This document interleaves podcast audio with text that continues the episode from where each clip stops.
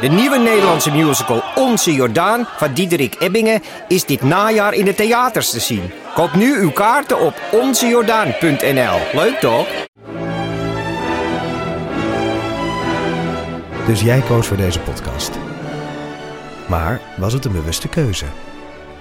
Was het een moeilijke keuze? En wat zegt deze keuze eigenlijk over jou? Keuzes. Daar hebben we het over tijdens de Row Now Inner Choices. Een kort en krachtig concert met Maler en Frank. Een avond waarop experts je meenemen in drijfveren, twijfels en de gelijkenissen tussen keuzes in muziek en het echte leven. Kom 19 april naar het Residentieorkest in Den Haag. Een kaartje heb je al vanaf 20 euro. Pride! Yay! Pride Week. Als dit uitkomt is morgen de Canal Parade. Ja. Dit nemen we op midden in de Pride Week. Mensen zijn blij op straat, zoals je hoort. De zon schijnt. De zon schijnt. De regenboogvlag wappert, al dan niet op zijn kop. Zomer. En daarom En is hier te gast niemand minder dan... Manoy Kamps. Hallo. Mahoy. Oh nee. Botte neemt ook wel eens de telefoon op met een of andere woordspeling en zeg ik wel nee. Oh ja? waar. Wat zegt Botte dan? Ja, nee, dat mag, dat mag ik dus niet meer zeggen. Dat mag Nee. niet meer. Nou, dan zeg ik gewoon Hardo. Hallo. Fijn dat je er bent. Je bent vaker te gast geweest in de Eeuw van de Amateur. Eh, Ja, al dan niet aan tafel zittende. I- Oh, hebben we ook een op afstand opgenomen? Ja, ik heb, nou ja, vorig jaar in de Pride Walk eh, was ik natuurlijk een soort... Oh, in de eh, Pride Walk, ja. ja. ja, inderdaad, ja. ja. Ehm, je bent dirigent en je bent queer persoon. Je bent een leuke vriend van ons. Een En theatermaker. theatermaker. Ben je nog meer? Ehm, nominair, Poli, Sri Lankaans, Brits, Nederlands, alles. Wauw, dat is een mooi mooi. Ik kom niet eens in de buurt. Eh, heel leuk dat je er bent. We gaan met je praten over, eh, over de Pride. We gaan met je praten over een fantastisch project dat je gaat doen. Een opera-project. En het is in een buitenland. In een buitenland, buiten de Europese Unie Ja. zelfs. Z- Precies. en, eh, en we gaan met, lekker met je, met je eeuwen. We gaan met je eeuwen. Ja, Gewoon eeuwdingen doen. het is gewoon een podcast over alles. Ja, precies. Zo is dat. Had ik jou nou al geïntroduceerd eigenlijk, Ipe? I don't know, maar... Ja, hè, niet Driessen. zit ook aan tafel, mensen. Heerlijk. Mijn naam is Botte Jellema. Dit is aflevering 247 van de Eeuw van de Amateur.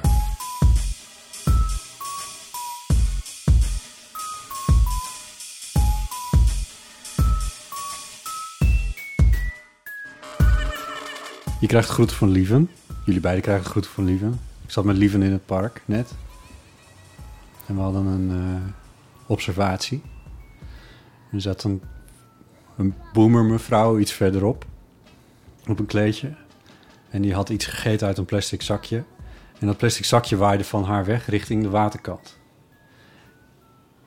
En zij ging, kwam zo langzaam in beweging achter dat... Het was een soort van... Dat ze voelde dat alle ogen in het park op haar gericht waren... van ga je dat zakje nog pakken voordat het in de oceaan in de plastic soep terechtkomt. Toen voelde ze zich verplicht om op te staan. Toen liep ze net langzaam genoeg dat het zakje toch in het water waaide. Toen waaide het zo net over het randje. En dat is, het is daar, nou, het is 30 centimeter naar het water, dus je kan er zo nog bij. Maar toen liep ze daar naartoe en toen was het, ach, Ach nee. ach nee. en toen liep ze weer opgerichte zaken terug. Oh, we vonden het zo stom. Ja, eigenlijk is dit nog erger dan er het wel gewoon op tijd pakken. Ja, ja wat erg. Nou, wel op tijd pakken is het goede om te doen. Eh, moet je niet eh, dit besluiten met eh, de frase een bal van vuur?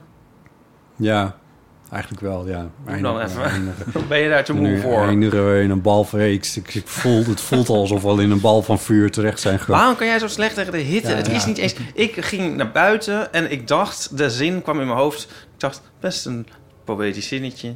Soms is, is mooi weer ook gewoon mooi weer. Dat dacht ik.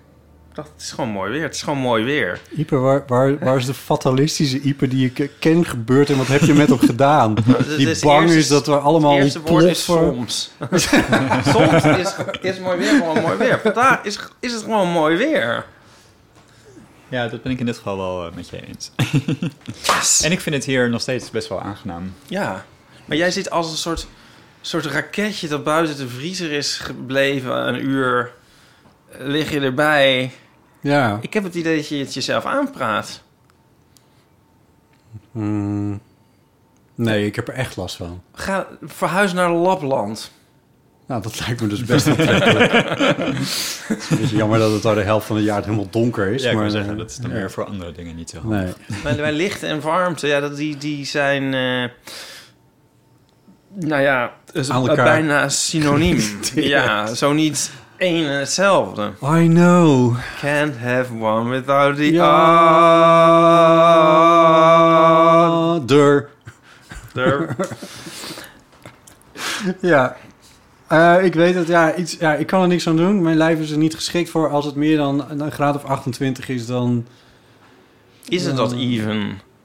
Ja, nou, Ja, op het randje. eh, 27. Ja, 27. ja, in de stad is het hier net altijd wat warmer. Maar het is, ik praat het ook wel deels een beetje aan, maar het is wel ergens op gestoeld. Namelijk dat ik ook bang ben voor vannacht. Dat ik dan weer geen oog dicht doe, omdat het zo warm is. En dat komt wel omdat het hierachter echt heel heet is. De zon staat er sowieso op op mijn slaapkamer. Maar eh, de twee hotels, belendende hotels... die hebben enorme koelinstallaties... eh, die richting de binnentuin blazen. En de binnentuin is echt 5 tot 10 graden warmer nog dan het eh, elders is. Kan je niet, zij aan kan het je niet in die hotels? Ja, en de, de nacht boeken in de, de- die warmste nacht in een hotel boeken zodat ik in de koelte slaap. Ja, ja dat is misschien eigenlijk best een idee.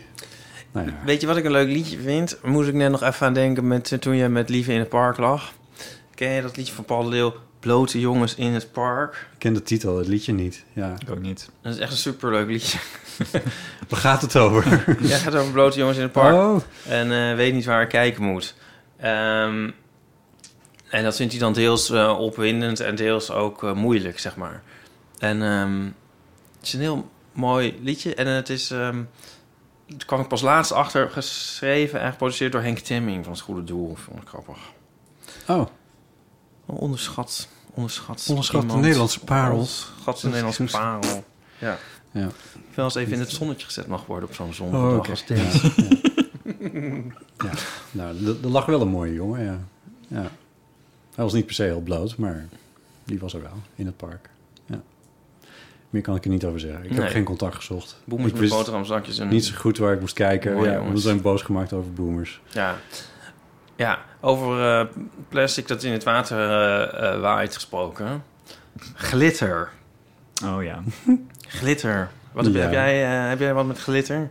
Eh, ik vind het vaak heel leuk staan, maar ik draag het eigenlijk nooit, omdat je het dan de rest van het jaar ook ergens nog blijft vinden. This is Ja. true. Ja. Het, is, het schijnt gewoon plastic... Het is gewoon letterlijk microplastic. Ja, als je, als je geen biodegradable Ja, glitter maar- koopt. maar ik geloof wat dat- elk weldenkend mens tegenwoordig zou moeten doen. Ja, maar doen ze dat? Is niet 90% van de glitter is volgens mij niet Waarschijnlijk niet. biodegradable.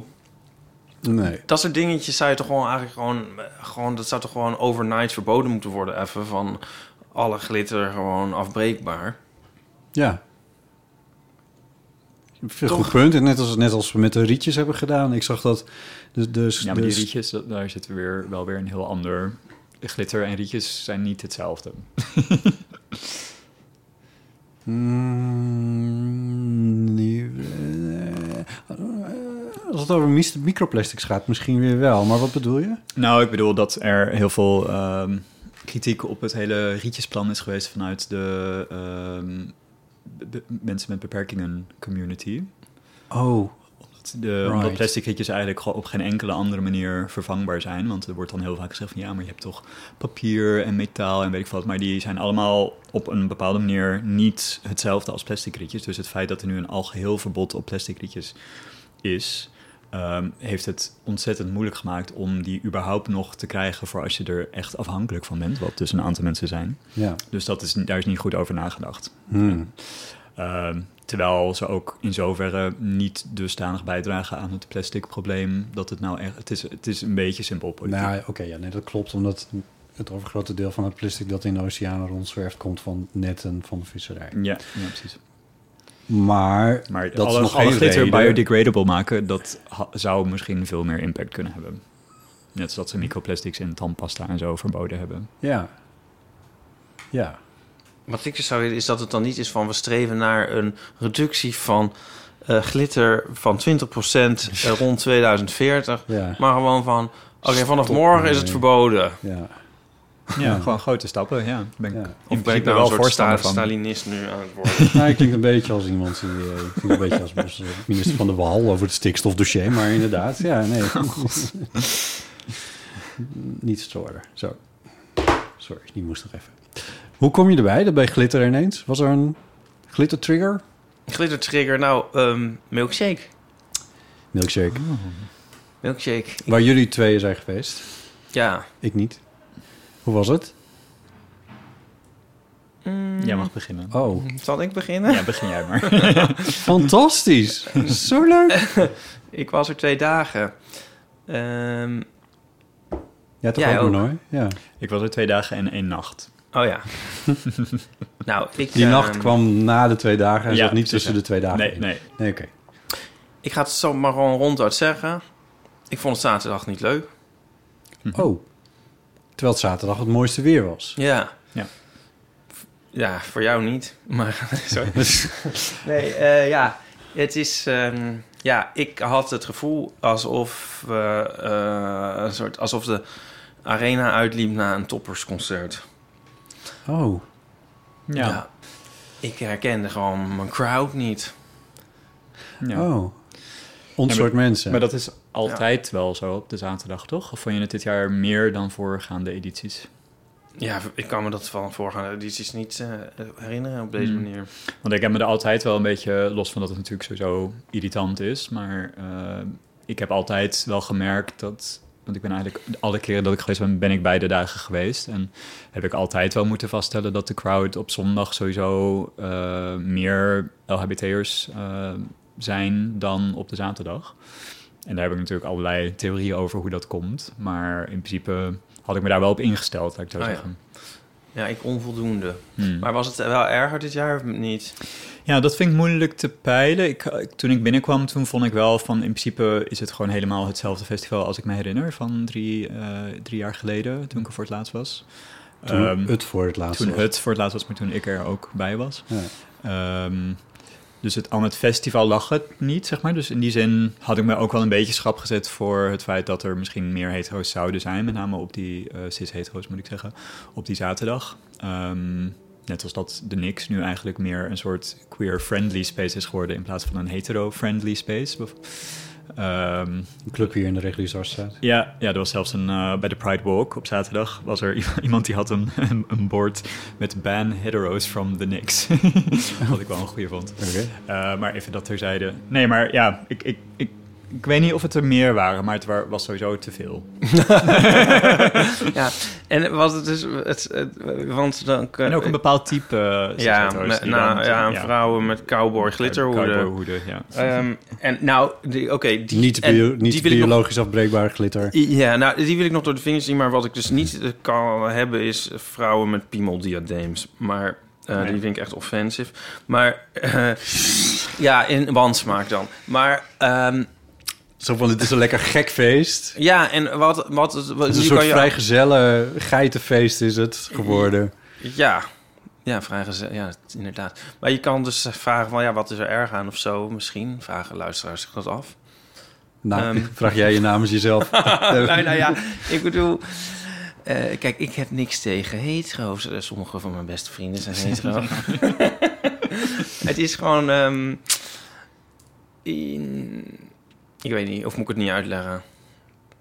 Weet ik niet. Ik had het gisteren met jou, Manoy, had ik het erover. En toen zei je eh, precies hetzelfde eigenlijk. Met iets ja, nou ja, ik heb er een beetje een dubbel, dubbel gevoel over. Omdat het hangt ook een beetje aan hoe je een festival als Milkshake überhaupt eh, ziet. Of hoe je het definieert of zo. Want het festival zelf is... Wordt heel, dat, waar ik zeg maar moeite mee heb, is dat het heel erg ge- gezien wordt in de media ook als queer festival. Terwijl dat in de basis eigenlijk gewoon niet is. Want het is in de eerste plaats een heel groot commercieel mainstream festival waar de organisator zelf van zegt van eh, de S van straight hoort in de LGBT-acronym, zeg maar. Mhm. Bij- letterlijk heeft die een aantal keer gezegd eh, in interviews en zo. Dus Hmm. de, hele, de, de hele basis van het festival zelf is eh, in mijn optiek gewoon niet queer in de soort van structural criticism sense of the word. Ehm, dus als je die verwachting dan gaat eh, projecteren op Milkshake, dan kom je natuurlijk sowieso van een koude kermis thuis, letterlijk. Ehm, maar het zou wel met relatief kleine aanpassingen, denk ik, een stuk meer pro-queer kunnen zijn. Door bijvoorbeeld ehm, dat veel meer op de voorgrond te stellen. Dat, het, dat uh, nou ja, cis-hetero's bijvoorbeeld eigenlijk te gast zijn.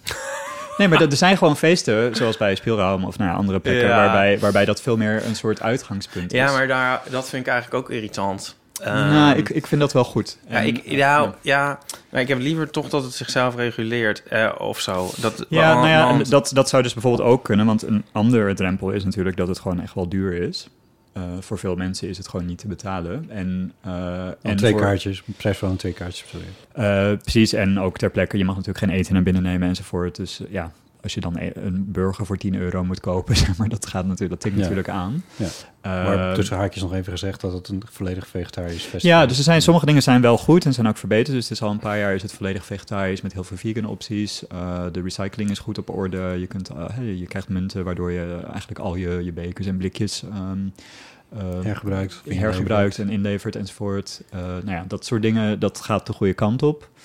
Maar ze hebben bijvoorbeeld geen enkel systeem waarbij mensen die daar echt horen, eh, in de zin van de LHBTQ'ers, ehm, een soort voorrang krijgen of zo. Dus het is ieder voor zich op het moment dat de kaarten online komen. Terwijl je natuurlijk ook een manier zou kunnen bedenken om in de community dan een soort pre-sale bijvoorbeeld te verspreiden. Hier, eh, dit vind ik nog geen gek idee, wat je nu Eh, zegt. en, en ook kaartjes beschikbaar stellen voor mensen die het oprecht niet kunnen betalen. Die er eigenlijk wel thuis horen. Of die ja, kortingsregelingen. Of nou ja, er zijn andere voor. Ik zeg dit allemaal niet zo, maar er zijn gewoon genoeg voorbeelden van eh, feesten en festivaletjes die daar gewoon andere prioriteiten in stellen. Waardoor het gewoon veel, ja, veel meer queer forward is. Dus daarom zeg ik van het zijn eigenlijk relatief kleine aanpassingen. Maar dat zijn gewoon niet de basisuitgangspunten van het festival zelf. Dus daarom denk ik van ja, ik heb deze kritieken ook allemaal, maar ehm, ik heb ook geen, maak mezelf ook geen illusies dat dit eh, belangrijk is voor ze of zo. Ik voel me er gewoon op mijn gemak Nee, in zoverre vind- dat ik nou- een, eigen, een eigen crowd daar heb of zo. Maar Ja, daarbinnen heb je weer een eigen crowd. Maar ik voel me op zich nooit ongemakkelijk bij commerciële activiteiten. Ehm, ik ben zelf ook commercieel.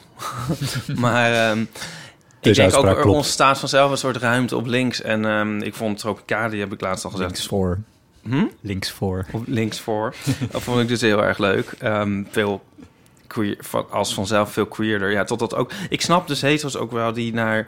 Ik snap ook hetero's die naar links gaan. Want het is ook veel leuker om... eh, en gezelliger bij de queers. Ja, maar dat komt omdat hetero, cis-hetero cultuur gewoon super restrictive is. En Ja, de dus- queers natuurlijk al die ruimte hebben gecreëerd omdat ze niet in het systeem passen. Dus als dan vervolgens al die cis-hetero's ons zelf gecreëerde ruimte in komen nemen... Ja, dat is, dat dan is het moeten wij daar weer Wij uit moeten- om weer er ons, weer ons uit. eigen Wij ding zijn te gaan altijd een soort een nieuw frontier. Maar Kritische vraag. Ja, Is er schaarste aan ruimte? in welk opzicht? De ruimte die je net zegt, die ruimte die de LHBT'ers hebben gecreëerd, is daar schaarste? Kunnen daar niet mensen bij? Nou, dus als je het te ver verwatert, dan, is, dan tast je het hele karakter aan. Juist. Dus dan is het er gewoon niet meer. Nee. En dat ervaarde ik nu wel eigenlijk op zaterdag met Milkshake. Toen dacht ik van, ja, wat doe ik, wat doe ik hier eigenlijk? Ik herken me niet in de sfeer die ik leuk vond en zo. En ik, ja, Ja, en het zat Wordt ook in de, in de, ja, in de ge- geëngageerdheid of zo van het publiek. Want ik sprak ook een paar mensen die er voor het eerst waren. En die hadden, de meesten hadden inderdaad te hoge verwachtingen. eh, Hmm. Met het idee van, oh, het is een queer festival. Nou, dat is het dus niet. Maar er werd bijvoorbeeld op zaterdag ook heel weinig gedanst. Ja ah, vreselijk. dus het, Ja. nou ja, en op zondag was het gelukkig iets beter. Was de muziek in mijn, naar mijn smaak ook beter. Maar ook de crowd was meer echt er om een feest te hebben. En het voelde ook zaterdag veel meer als een borrel. Ja, Oh. En ja, zondag totaal. veel meer als een, eh, echt als een party, zeg maar. Dus dat, daar, dat, dat is wel wat ik... Dat had ik me niet zo herinnerd van vorige edities. Voor mijn gevoel was dat wel extremer aan de orde nu. Die ene stage, hoe heette die ook weer? Die werd door onze eh, mensen, vrienden van ons, de bedrijfsborrel genoemd. Dat was echt een bedrijfsborrel. ja, Ja, Nee. terwijl za- zaterdag wel qua weer, want het was toen best wel zonnig en gewoon eh, prettig buiten en zo. Veel meer, eh, ja, ruimte bood om lekker uitbundig te zijn. Ja. Ik, bedoel, ik snap dat als het een beetje miezert en zo, dat je dan misschien binnen gaat schuilen. Want dat was zondag aan zondag een beetje aan de zondag wel regende het en was het koud. En, en eh, toch was het, eh, vond Toch ik het veel leuker. keer leuk. Echt keer leuker dan zaterdag. Ja, absoluut, ja. Vertel nog eens over de zondag, wat meer. Wat, ge- wat, wat heb je ja, gedaan, is ook weer gek om te zeggen, maar... Eh, gezien? Met wie was je er? Toffe DJ's gehoord? Of... oh god, eh, wat moet ik zeggen? Eh, Nou ja, misschien vooral waarom was het niet een bedrijfsborrel? ja, omdat het publiek dus... Er werd meer gedanst. Ja, en om, omdat ik denk dus dat er echt weer, eh, daar echt meer de queer community aanwezig was. Ehm, Ja, ik kende zelf ook heel veel mensen die alleen op de zondag bijvoorbeeld er Ja. waren en niet op de zaterdag. Dus sowieso was de concentratie van onze crowd in mijn anekdotische beleving sowieso groter op de zondag. Eh, en er werd inderdaad, het was gewoon uitbundiger ondanks de regen. Qua, en de muziek was voor mijn smaak, wat ik al zei, beter. Of op meer plekken, want er zijn natuurlijk enorm veel stages. Maar op zaterdag moest ik echt zoeken naar iets waar ik zelf dan lekker kon eh, dansen. En op zondag waren er veel meer opties. Eh, en het, ik had het idee dat het zondag ook een stukje rustiger was. Dat, het, dat er net wat mensen waren weggebleven of zo vanwege het weer misschien. ja, kunnen. Net iets, iets, ja, iets meer ruimte en iets meer doorstroomde of zo. Ja, nou weet je wat een gek fenomeen is bij eh, zo'n heel groot festival, is dat je de hele tijd denkt, misschien is het eh, daar leuker of daar. Weet je wel, dan ga, word je een soort zoekend. Een soort FOMO de Ja, hele tijd richting binnen andere stage. ja. En ehm, op zaterdag was het gewoon heel vreemd dat iedereen leek te staan wachten. Eh, waar je ook maar kwam, niemand was aan het dansen. Iedereen was een beetje door de kat uit de boom aan het kijken. Hmm. En ehm, op zondag was het gewoon, als je ergens kwam, dan was het daar, daar leuk. Kon je daar gewoon blijven en aanhaken. En ik had hetzelfde. Ja, ik had 10.000 keer meer bekende gezichten, zag ik op zondag. was een soort weer zien, weet je wel, Ja, met allemaal ja, mensen die je heel lang niet had gezien van corona. En ehm, ook eh, nieuwe mensen leren kennen, want dat, is, dat hoort er ook bij. En Maar dat eh, gebeurde mij ook niet op zaterdag. Hmm. Ehm, Ja, nee, we hebben heel vergelijkbare ervaring gehad. ja, Eh, en wat ik zaterdag dan wel op zich leuk vond, waren natuurlijk eh, het idee van Milkshake is dat er dus eh, ook ehm, ja, andere eh, organisatoren ook co- ja, collabs aangaan met het festival. Ja, de trut was De Trut was vertegenwoordigd. bijvoorbeeld, weet je wel, Ja. of een Club Church. eh, er waren, die, die, worden dan uitgenodigd om dan zelf een stage vorm te geven en zelf de DJ's te programmeren en dat soort dingen. Dus er, zijn er zijn maar een paar stages die er op beide dagen zijn met een soortzelfde flavor. En er zijn sommige stages zijn maar op één dag. Dus bijvoorbeeld op zaterdag had je een, een stage van een Berlijnse organisator, Conceptual. Die, ehm, ja, die hadden een van de grote binnen, misschien wel de grootste binnenruimte eh, eh, mochten zij invullen. En dat was gewoon een goede ja, Berlijnse techno met een heel fijne eh, donkere sfeer, maar ook dus heel erg open. En daar, daar vond ik dan eigenlijk my, my people. maar ook buiten was een heel leuk, eh, eh, een beetje indie eh, organisator, die heet Orphic. En die zijn de laatste jaren ook tijdens co- COVID eh, een beetje gegroeid, juist. Ook met een paar eh, ja, off-the-radar eh, raves, zeg maar. Eh, en die twee stages, daar voelde je wel van, oh ja, dit is waar de, waar de queers eh, op afkomen. Zeker de queers die wel iets met house of techno hebben. Ehm, en die twee stages waren er dan op zondag niet. En op zondag had je dan bijvoorbeeld inderdaad wat je zei, eh, Church, The Trut, ehm eh, Pondy Pride, wat een heel tof eh, Caribisch eh, zwart collectief is, die dus al een aantal jaar hun eigen feest hebben, nu dus ook een stage hadden en zo. Dus dat, dat, dat was allemaal heel tof, dat je daar dus van voelde van ja, ook daarvoor komen mensen specifiek op bijvoorbeeld de zaterdag of de zondag. Ik ken ook mensen die echt voor Conceptual dan op die zaterdag er waren. Ehm, dus het is ook maar net waar je een beetje voor gaat. En sommige mensen die zijn een beetje allesvreters en die komen gewoon naar het festival omdat ze eigenlijk overal zich wel prettig voelen. Maar dan eh, wil je natuurlijk wel dat er in principe goede muziek eh, gedraaid wordt. En eh, op, op de zondag was ook een, een, een, een minor celebrity, zullen we maar zeggen, in de vorm van Jessie Ware. Die gaf een, die gaf een publieke optreden op een van de buitenstages. Echt, ik Dus, wie dat is. Ik heb geen idee. Nou, ik moet heel eerlijk zeggen dat ik haar ook niet echt een soort kende. Sophie Alice Baxter Light. Ja, en het werd ook vergeleken met Kylie Minogue en zo, weet je. Dus het is een beetje die soort muziek. Ik, heb wel, ik, ik heb wel wat dingen van haar gehoord. Het is niet Moderne helemaal mijn, disco. ja, Ik vind dat ze niet helemaal de liedjes heeft. nee. Eigenlijk, net Ja. niet. Maar dat was wel een heel leuk optreden. Ja, ja, een goede act. En ook een van de, ja, de grootste buitenstage was dat. Dus ook echt met veel dansers en vuurwerk en zo. Dus dat was echt een goede... Oh, die danser. ja, het was dus, nou ja, eh, om dat, nog, e- dat de chapter nog even af te maken. Wat wel ook heel goed is aan Milkshake... is dat ze dus wel bijna alleen maar queer acts boeken. Dus bijna alle DJ's, alle dansers. Er zijn superveel make-up artists involved. Weet je wel, het is één grote eh, eh, geldstroom richting de queer community op die manier. Ja. Eh, dat is er wel natuurlijk heel goed Ja, aan. ook hun zichtbaarheid door zeg maar hun uh, postercampagnes, zal ik maar zeggen. Of eh, ja, gewoon een precies. soort, ja. dat, dat is ook allemaal in orde en zo, vind ik hoor. ja, ze brengen ook eh, hè, eh, nou, eh, ja, queer icons, in dit geval zoals Jessie, maar ook eh, in verle- vorig jaar hebben ze ook eh, ja, eh, ballroom houses uit, uit de UK en zo laten overkomen. En nou ja, er zijn en, nou ja, de Conceptual uit Berlijn en zo, dus ze verenigen wel een beetje de, de Europese queer community wat dat betreft. Nou, op een bepaalde manier wil je het eigenlijk ook, hè? Dat, eh, dat de hetero's, noem ik ze maar weer even, ehm, eh, zich, eh, dat, die, eh, dat er een soort, verbinding ontstaat. Of Een zo. soort dat- exposure is het. Ja,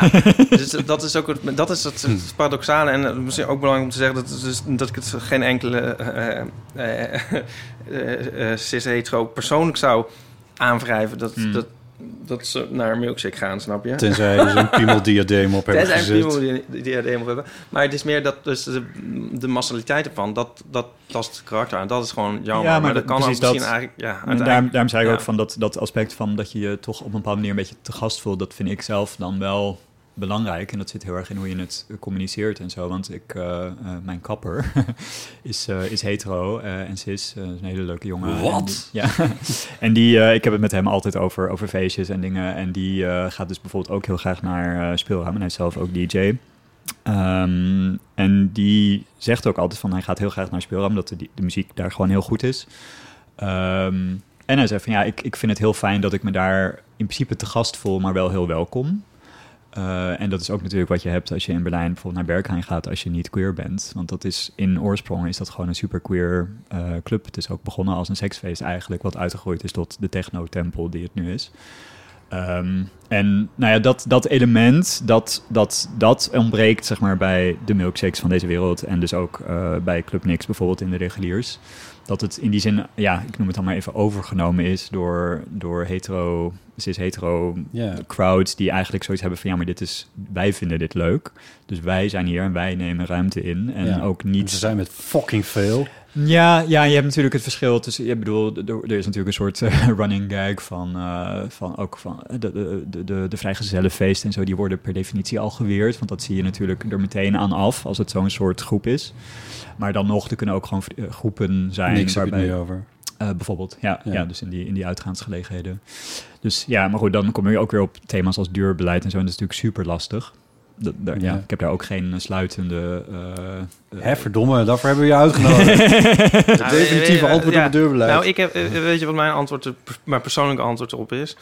Ehm, je, het zo gay maken dat je dus het deurbeleid niet meer nodig hebt. Dus Mm. weet je wat ik eigenlijk lekker vind is... eh, ja, ooit begon ik keer nog een soort half besmuikt over in de eeuw, maar inmiddels ben ik helemaal om. Eh, eh, ik vind dus een fe- feestje als Funhouse leuk. Mhm. Dat heeft zeg maar geen pretentie anders dan een soort commercieel te zijn. Maar het is zeg maar zo gay dat je er wel uitkijkt als vrouw met piemeldiadeem om, om er naartoe te gaan. ja. En dat, dat kan bijna niet verwateren. En eh, daar, daar voel ik me wel eh, lekker. Ja, maar eh, ga jij dit weekend daar in Ja. principe ook heen? Ja, ik ben dus heel benieuwd hoe je dat gaat vinden. Want ik heb wel het idee dat er over de afgelopen jaren een, toch een verschuiving gaande is. Want je ziet toch dat veel meer, eh, tussen aanstekens open-minded of self-proclaimed open-minded cis-hetero's... toch zich vrijer voelen om ook naar nou ja, feesten als Funhouse eh, te gaan. En je ziet, maar goed, dit is door de hele geschiedenis altijd. Het hele, alles wat queer culture is, dat wordt langzaam maar hand Mhm. wordt dat gewoon mainstream. Daar hebben jullie het natuurlijk ook heel vaak over. En je ziet nu bijvoorbeeld ook dat eh, de supermasculine eh, gespierde homo's... die Ja. jaren geleden misschien echt alleen nog maar in, in korte sportbroekjes... en weet ik veel wat, naar zo'n feest zouden gaan... die hebben nu, wat, wat wij als queers een paar jaar geleden al deden... die hebben nu de, de parelkettingen en de crop tops en weet ik veel wat ontdekt... Dus, nou ja, dus ik, ik heb nu ook voor de grap met, met mijn, eh, mijn queer vrienden, zeg maar, dat we zoiets hebben van, ja, oké, wat wordt nu ons ding? Er was laatst ook in het ar- Parool een artikel dat BDSM-esthetiek en kleding en zo, dat dat nu ook helemaal omarmd wordt door de hetero-mainstream. Mhm. Dus ook dat, weet je wel, dus de manieren waarop we sig- signalen, ook naar elkaar, van Mhm. wij zijn een bepaalde tribe, zo gezegd. Ik heb een idee. Ja, vertel. Een rode, een rode zakdoek. Ja, nou ja, ik wou dus inderdaad net zeggen, daar, dat was natuurlijk heel grappig om te zien dat bij de, eh, bij de boeren dat die zakdoek ineens weer uit de, uit de kast werd gehaald. En dat, eh, dat de gays en de queers zoiets zeiden van, oh, maar eh, als, je, als, je, als je me in je rechter kontzak eh, Ja. draagt, dan, dan weten we wel hoe laat het is. Ehm, dus, dat, nou ja, dus ik ben heel benieuwd of je nu bij Funhouse dezelfde ervaring wat dat betreft gaat hebben qua publiek, zeg maar, als, als drie, vier jaar geleden. Ja, Omdat nou ja, ik, omdat ja ik vrees misschien dat er in het wel- Pride Weekend is misschien anders, maar Ja. wanneer was ik er nou? Ehm, wat zal het dan geweest zijn? Ehm, ehm, twee maanden geleden of zo? Ja, in het voorjaar ergens. Toen was het gewoon, ehm, toen had ik van al deze dingen geen last, zeg maar. Ja. Toen was het gewoon eh Ik vind het mannen in sportbroekjes. Ja? Hm? Nee, mooi. Ja, Eh, de, dus ja, vind ik mooi. Maar de, de- ik vind het ook super interessant, omdat juist omdat er nu zo'n gat van drie jaar is geweest eigenlijk. ja. Of nou ja, tweeënhalf, maar in ieder geval drie jaar waarin... Er is twee jaar, twee edities van Milkshakes zijn er niet geweest. Eh, waarin je nu misschien ook... Waarin je dit ineens ook veel meer door hebt dat er zo'n verandering Ja. is. Ja. Ja. de snapshots zijn duidelijker verschillend van elkaar. Weet je dat Ja. er nog één klein dingetje is? En ik, eh, ik vraag me af of jij dat ook hebt. En, ehm Welke jij? eh, s- eh, Manoy, Eh, Omdat je dus ook heel veel mensen heel lang niet gezien had. En ik, ik dacht van, is dit nou het effect van corona... dat sommige dingen dus ook een beetje verwaterd zijn? Mhm. Ik had het vorige keer over Grand Falloonery.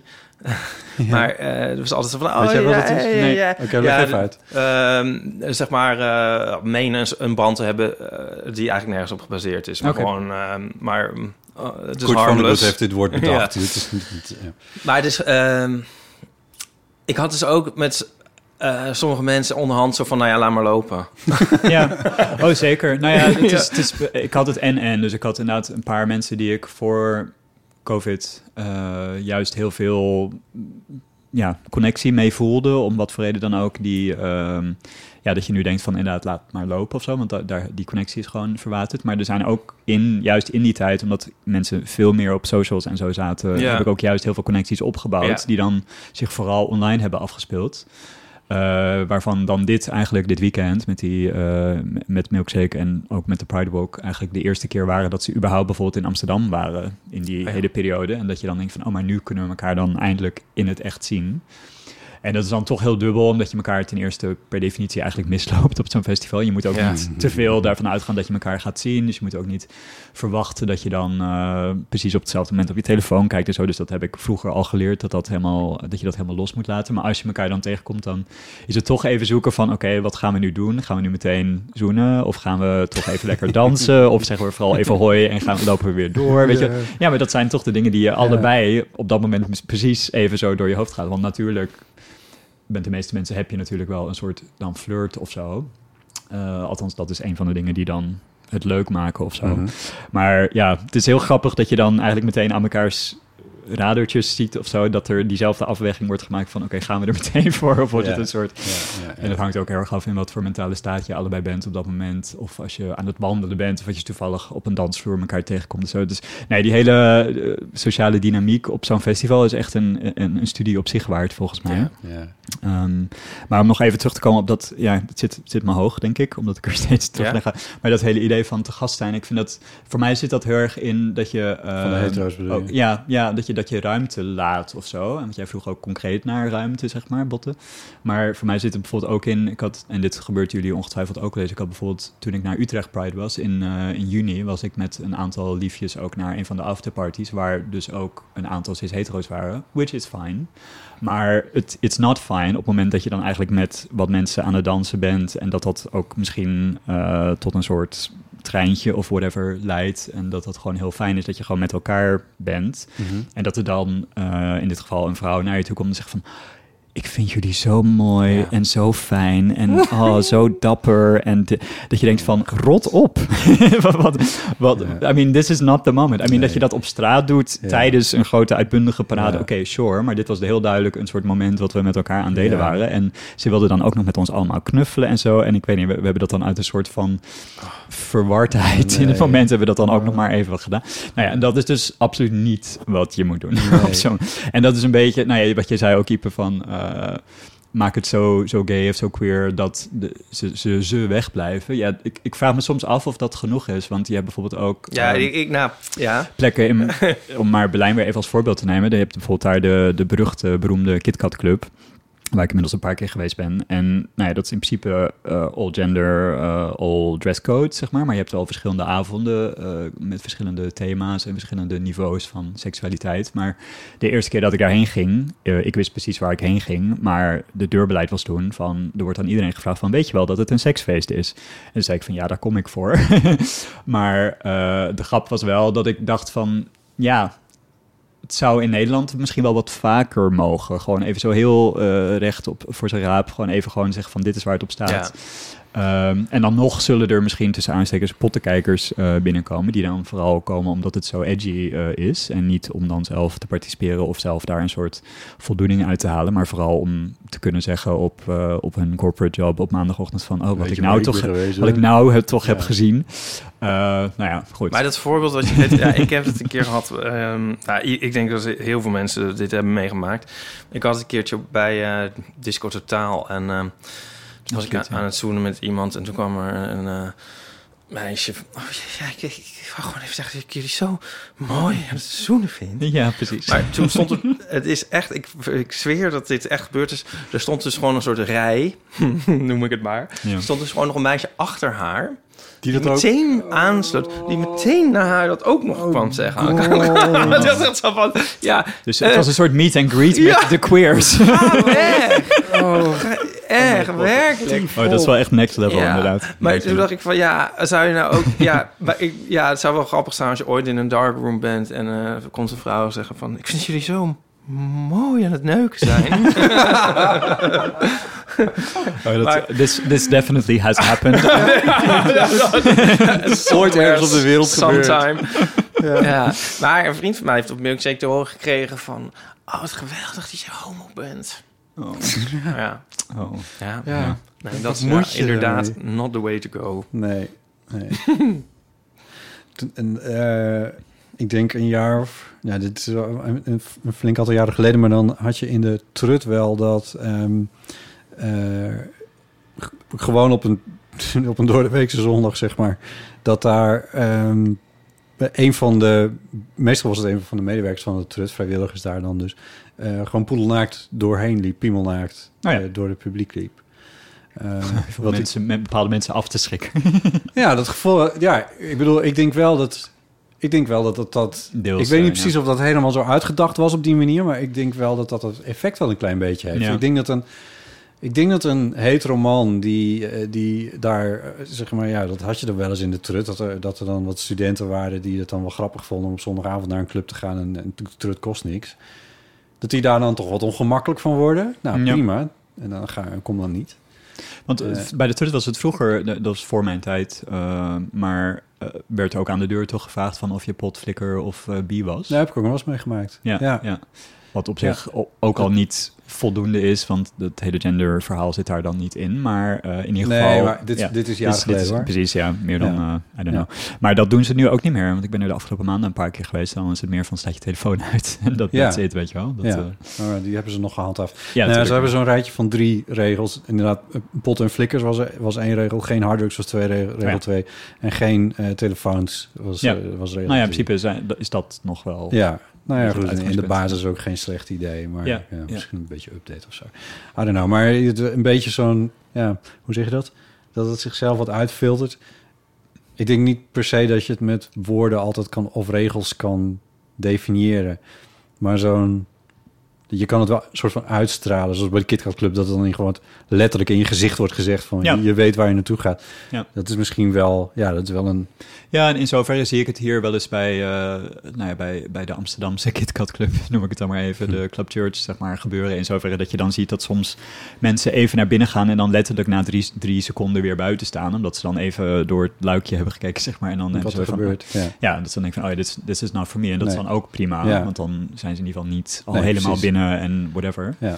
Maar ja, dat zou bij op een paar andere plekken zou, zou een beetje regulering daarvan of zo toch wel Ja. prettig zijn. Zou, want ik bedoel, jullie zijn niet, niet de enige geweest die dit bij Milkshake hebben geconstateerd. Dan dat het zaterdag een beetje een heterofeestje was.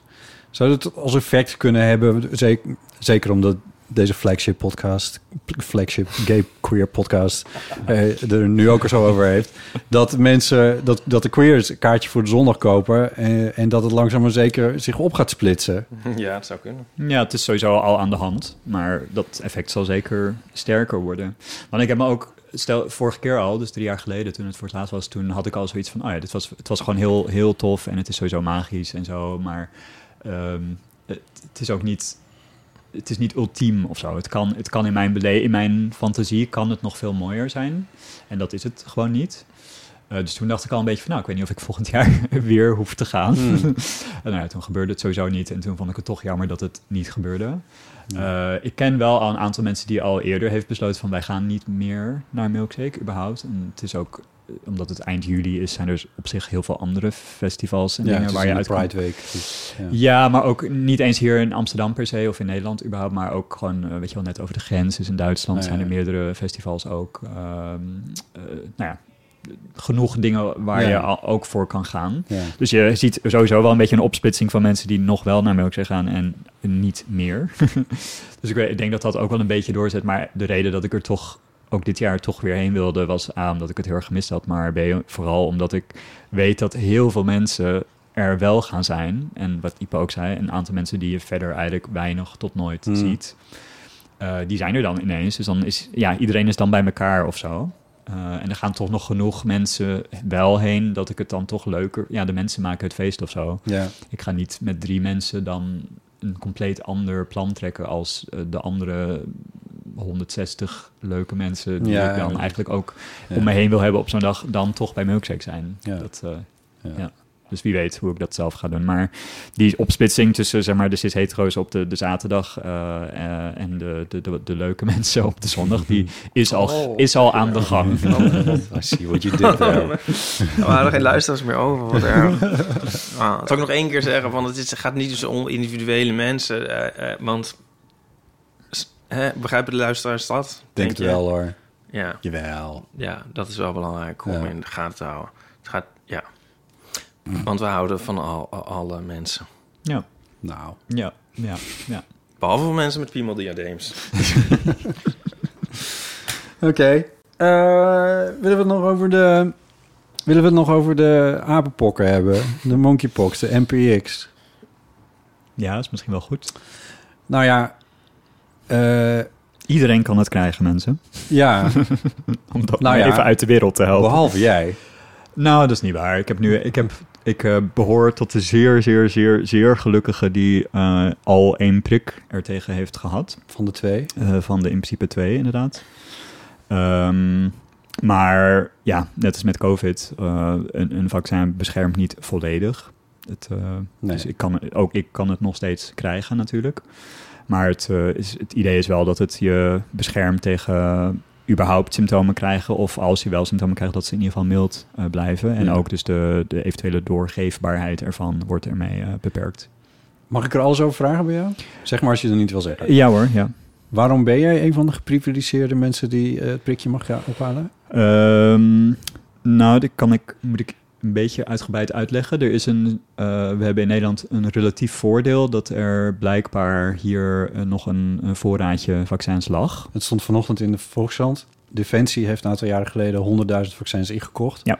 Met als, ik zeg, met als reden dat... eh, Trigger om- warning. Nee, maar, nee want dan ha- haken mensen af en zo ernstig is het niet. Maar in ieder geval, dat dus, omdat men voorbereid wil zijn op eventuele bio, Biologische biologische, als biologisch wapen wordt ingezet, dan Precies. hebben ze 100.000 vaccins. Eh, daarvan willen ze een deel behouden eh, voor, I don't know exactly what, maar Nou, voor diezelfde reden. ik denk het.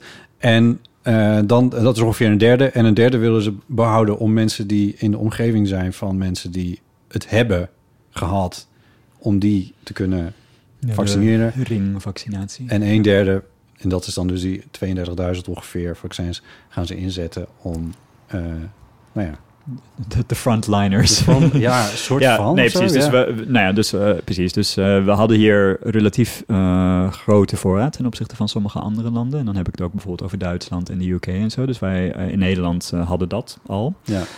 Op dit moment zijn er ook niet meer beschikbaar. Want er is maar één fabrikant die ze maakt. Het pokkenvaccin is dat is dus niet specifiek apenpokken, maar dan gaat het ja, ja, het is een wat breder pokkenvaccin, wat al een aantal jaren bestond. Dus dat was er gewoon al. Tot 1974 werden mensen er ook nog gewoon mee. Ja, ja, ja, dit is dan een iets nieuwere versie ervan. Ja. Anyway, maar um, toen moesten ze dus natuurlijk gaan bepalen van ja, als we er dan dus maar ongeveer 32.000 kunnen geven, aan, aan wie krijgen die dan? En toen was het eigenlijk, zover ik heb begrepen, ik ben ook niet de expert hierop, maar toen was het uiteindelijk de afweging van: oké, statistisch gezien gaat het op dit moment vooral rond in uh, de zogeheten MSM. Dus uh, mannen die seks hebben met mannen. Uh, en dat is natuurlijk in, zeker hier in Amsterdam, maar ook in Nederland wordt dat iets breder gezien. Want de definitie van man is natuurlijk wel iets breder dan alleen maar cis-mannen in dit geval. Mm -hmm. um, en daar, daarbinnen hebben ze dus weer gezegd van... oké, de mensen die... Sowieso moeten ze die mensen kunnen bereiken. Uh, en dat hebben ze uiteindelijk niet geregistreerd. Nee, dus precies. Heel veel mensen die zijn niet bekend bij de medische uh, autoriteiten.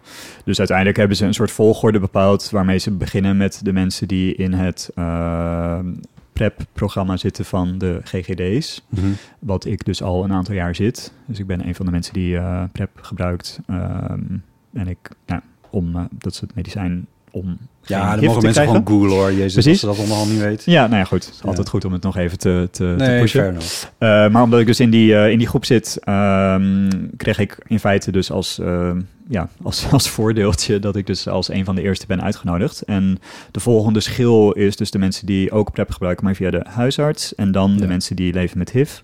En dan pas alle andere mensen die bij de SOAPOLI bekend zijn. En dan zijn ze, zijn ze voorlopig even op, heb ik begrepen. Ja. ja. Dus, uh, dus dat. Uh, dus omdat ik toevallig eigenlijk uh, in dat GGDP-programma zit, behoorde ik tot de eerste schil. Ja. En hoe was het? Hoe ging het? Ja, je, je, hoe, hoe gaat dat dan? Word je gebeld of gemaild? Uh, nee, ik kreeg een. Uh, um, er werd op. Sowieso had het veel eerder kunnen beginnen. Want de, de eerste berichten hierover waren natuurlijk al, al in mei. Ja. Uh, en in juni, eind juni, zijn er ook op andere plekken al ja. vaccins gegeven in de wereld. Ja. dus Nederland was er relatief laat mee om allerlei redenen. Omdat de bestuursvormen hier best wel stroperig zijn. En omdat het natuurlijk, omdat het om zo beperkte voorraad ging, wilden ze wel afwegen wat is dan de beste manier om die vaccins te gebruiken. Enzovoort, ja, enzovoort. dan moet je toch zeker een week of zes over vergaderen. Ja, het, ja precies. Dus daar is heel lang over uh, vergaderd door allemaal mensen die zelf uh, niet in de eerste plaats risico liepen. Ja. Um, en gelukkig heel erg actie gevoerd, uh, ook weer door... We de, zijn jullie eeuwig dankbaar. Ja, precies. Door, de, door instanties zoals Church en PrEP Nu. Een shout-out. Um, maar het vaccin zelf stelt heel weinig voor eigenlijk. Dus je, uh, je krijgt, uh, het is uh, dus het COVID-vaccin, wat de meeste mensen die luisteren waarschijnlijk ook hebben gehad, dat gaat echt in je spier. Ja, en dit is een spierpijn van. waar je potentieel spierpijn van krijgt. En dit is een subcutaan, oftewel net onder de huid. en ja, het is een halve milliliter en je voelt er niks van. En, ja. ja. Je hebt er geen last van gehad. Het stelde heel weinig voor. Ja, ik had een heel klein beetje maar moest ja. je naar de RAI? Dat is de grote uh, vaccinatielocatie. Ja, klopt. Ja, ik ben uh, bij, de, bij de GGD, uh, bij de RAI Dus dat is gewoon diezelfde... Ja, het is ook een, een COVID-testlocatie en een COVID-vaccinatielocatie. Ja. Dus ze hebben een soort aparte ja. ruimte ingericht hiervoor. Is het, was het net als test voor toegang met het Eurovisie Songfestival... Hmm. een jaar geleden, dat het al, al helemaal een gay happening was in de rij. nou ja, dit, dit, dit vooral natuurlijk, omdat de enige mensen die uitgenodigd waren tot in principe tot die groep uh, behoren. Ja, dan wordt dus niet het, al, ook, het gaat niet door elkaar met de COVID-vaccins. nee, dit was een aparte, uh, aparte Oké, okay, dus het was helemaal... helemaal Oké, okay, leuk.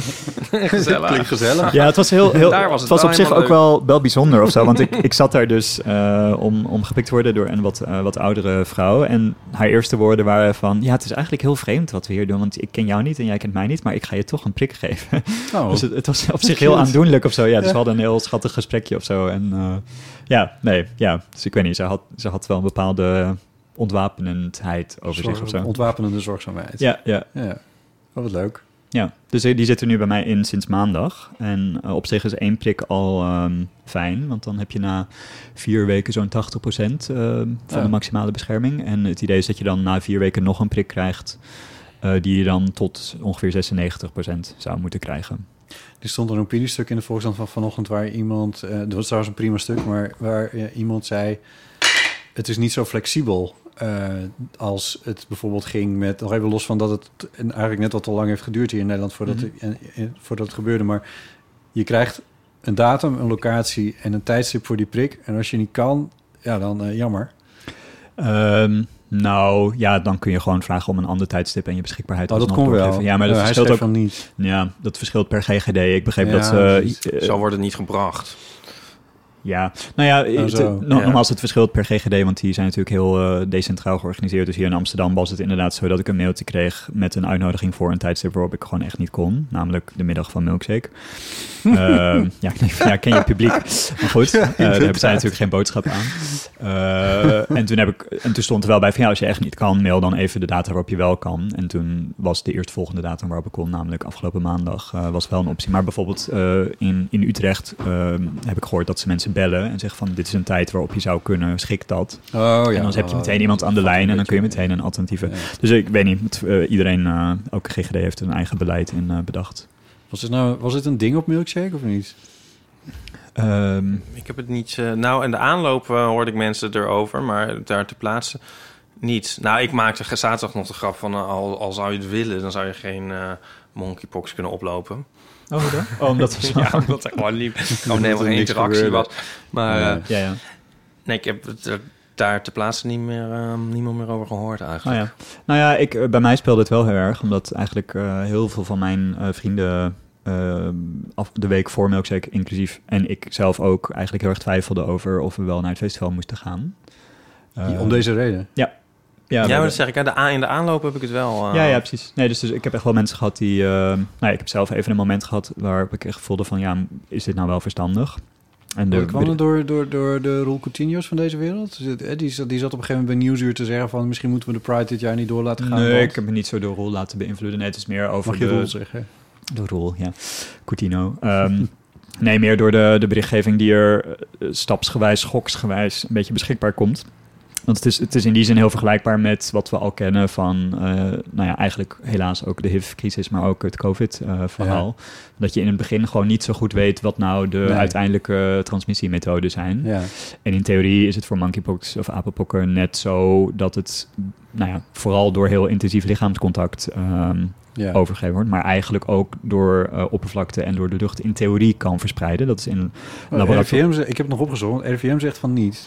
Ja, nou ja, misschien is dat dus wat ik nu zeg al deels achterhaald, maar ik weet dat in andere landen dit wel eh, nog als eh, onderdeel van de berichtgeving is. Dat het in theorie kan, want het is Nou ja, in Wie laboratoria. dit in de toekomst luistert, Precies, check ja. vooral rivm.nl. Precies. Check officiële informatie. Maar omdat het, om de vergelijking even af te maken, Mhm. iets wat in het laboratorium geldt, hoeft niet in het alledaagse leven te gelden. Dit was bij corona ook een eh, Precies. Eh, dus eh, de, de voornaamste transmissiemethode waar in Nederland vanuit wordt gegaan, is door inderdaad heel intensief lichamelijk contact. Ja. Ehm, maar goed, op een festival sta je natuurlijk ook op dansvloeren en ja, met- nou het hangt een beetje vanaf of dat nou intensief lichamelijk contact is, eigenlijk. nou ja, bijvoorbeeld als je allebei geen shirt aan hebt, zou dat zo kunnen gezien worden. Ja. Nou ja, dit, Ja. laat ik zo zeggen, dit, Ja. dit waren mijn persoonlijke afwegingen. Dit is, is geen medische, medisch advies. Nee. Ehm, maar daardoor gingen ik en een aantal mensen om me heen wel een beetje twijfelen. En uiteindelijk hebben we allemaal onze eigen afwegingen daarin gemaakt. Ehm sommigen zijn maar één dag geweest bijvoorbeeld van de twee. Uh, anderen die hebben de hele tijd een shirt aangehouden. Uh, maar iedereen is uiteindelijk wel gegaan. Um, waaronder ik. En uh, uiteindelijk ben ik er ook heel blij mee. En het speelde bij mij wel mee dat ik dus tot de gelukkigen behoorde... die dus heel vlot al uh, toegang had tot een prik. Omdat ook een prik, zelfs als je na die na een eventuele exposure krijgt, dat die ook de symptomen, als die er al zijn, uh, kan verminderen. Oh, oké. Okay. Ja. ja. Dus dat was mijn uh, persoonlijke afweging uiteindelijk. Hm. En ik heb er uh, nou, een heel leuk weekend gehad, met alle caveats die we net hebben besproken. uh, over de aanwezigheid van bepaalde bevolkingsgroepen. Maar um, ja, toch ben ik heel blij dat ik er was. En um, ja, ik heb het wel echt gemist. Dus ik, ja, het alternatief van hele, helemaal niet gaan was uiteindelijk toch niet de optie, niet die optie, ik... Nee. nee, snap ik wel, ja. Zullen we het over iets heel anders hebben? Ja. The ballrooms and bedrooms of high society are a dizzying world in the life of Violetta, the most glamorous courtesan in all of Paris. Living life on her own terms, to her surprise, she falls in love with a naive young Alfredo. But this intoxicating romance takes a devastating turn when her past life catches up with her and she's forced to sacrifice what may be her only chance of real love. Hmm. Wie, wie heeft deze, deze logline geschreven? Opera North. Oh, wat goed. Ja, nou, toevallig is dat het bedrijf waar ik ga werken. Ja, sterker nog, meteen na de Pride Ja, ja. stap ik, jij eh, op de boot. Nee, helaas op het vliegtuig. Oh, ik had veel liever met, met de trein willen gaan, maar eh, dat kan echt. niet. Vergeet alles wat over de glitters is gezegd. Is zinloos. Nee, oké, maar goed, je moet ergens diep Engeland in. Nou, je Dus hebt Taylor Swift en je hebt ik. Dus- Wat heeft Taylor Swift gedaan? Want het gaat een beetje rond, maar ik ja, heb veel vaker gevlogen dan, Dan- de gemiddelde persoon. Ja, nou, dat overkomt iedereen behalve Coldplay volgens mij, toch? ja, nou ja, laten we het verder niet over La- hebben. laten, we het, laten we het hierover hebben. Eh, eh, nee, dit, is, eh, dit, is de, dit, dit was de, de eerste alinea onder eh, het kopje La Traviata. Ja. Wat, eh, wat op de website van Opera North staat, waar jouw gezichtje bij de cast staat. Ja, Jouw gezichtje. ja, rondje. hoofd. Poezig gezichtje. Je gezicht. Want dat ga je dirigeren. Ja, ik ga gewoon ineens een, een, een, hele, Een hele opera? een hele opera Een hele uit, het, uit het ijzeren repertoire Ja. eh, dirigeren. Ja. Oma kat. Wat vet. ja, dat is heel vet. Ja, dat eh, is heel grappig dit verhaal eigenlijk. Want ik heb eh, voor het eerst bij hen gewerkt in eind 2019. Toen was ik eh, associate conductor aan ehm, Giulio Cesare van Handel... over het leven van Julius Caesar en met name de eh amorette met Cleopatra. Mhm. Ehm, wat heel leuk was. En toen heb ik ook eh, een van de voorstellingen eh, gedirigeerd. Maar toen was het eigenlijk niet mijn show. Zeg maar. Dus ik moest eigenlijk me aanpassen aan de, de muzikale wensen van de, de, ja, de, de main, de principal conductor. Ja. Eh, en toen was ik meteen teruggevraagd om dan een jaar later, dus eh, eind 2020, om dan eh, associate conductor te zijn op Traviata, deze opera. Mhm. Nou ja, we all know how that went. Dus die, dat is natuurlijk toen niet doorgegaan. En uiteindelijk uitgesteld naar, naar dit najaar, 2022. Eh, en ik heb een soort promotie gekregen in de tussentijd. Want ik ben nu niet associate conductor, maar ik ben gewoon conductor. Mhm. Oftewel, ik mag nu helemaal zelf invulling geven aan de muzikale kant ervan.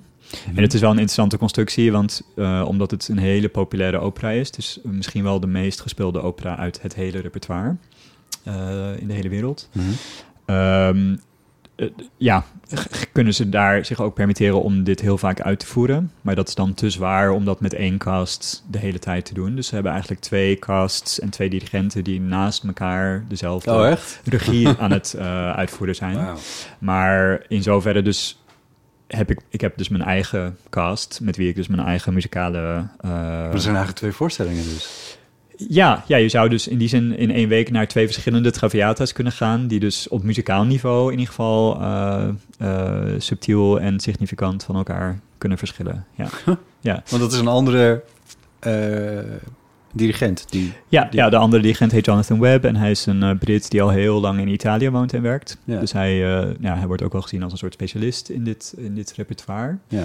Eh, dus hij heeft zijn mensen met wie hij het uitvoert. En ehm, nou, de grap is wel een beetje, dat, nou ja, het is een bestaande regie. Dus de productie is volgens mij uit 2012 of zo. Ook bij Opera North van een Brits-Italiaanse regisseur die heet Alessandro Talevi.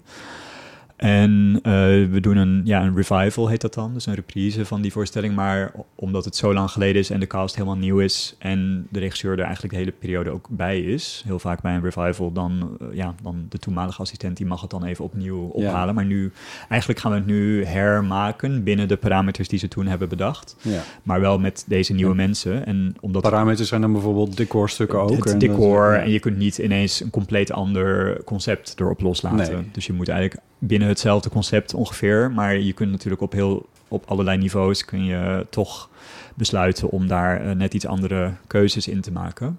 En ja, het idee van die regisseur is over het stuk natuurlijk ook in, tenminste neem ik aan, in die tien jaar ongeveer dat het eh, geleden is, is dat ook weer doorontwikkeld. Dus waarschijnlijk gaat hij ook weer andere kleine accenten daarin eh, aanbrengen die hij toen niet heeft gedaan. Dus ik ben, ja, ik heb er heel veel zin in om dan, dus in die zin, het is een goede eh, middenweg tussen helemaal from scratch een nieuwe productie maken eh, en alleen maar even iets herhalen wat er al was.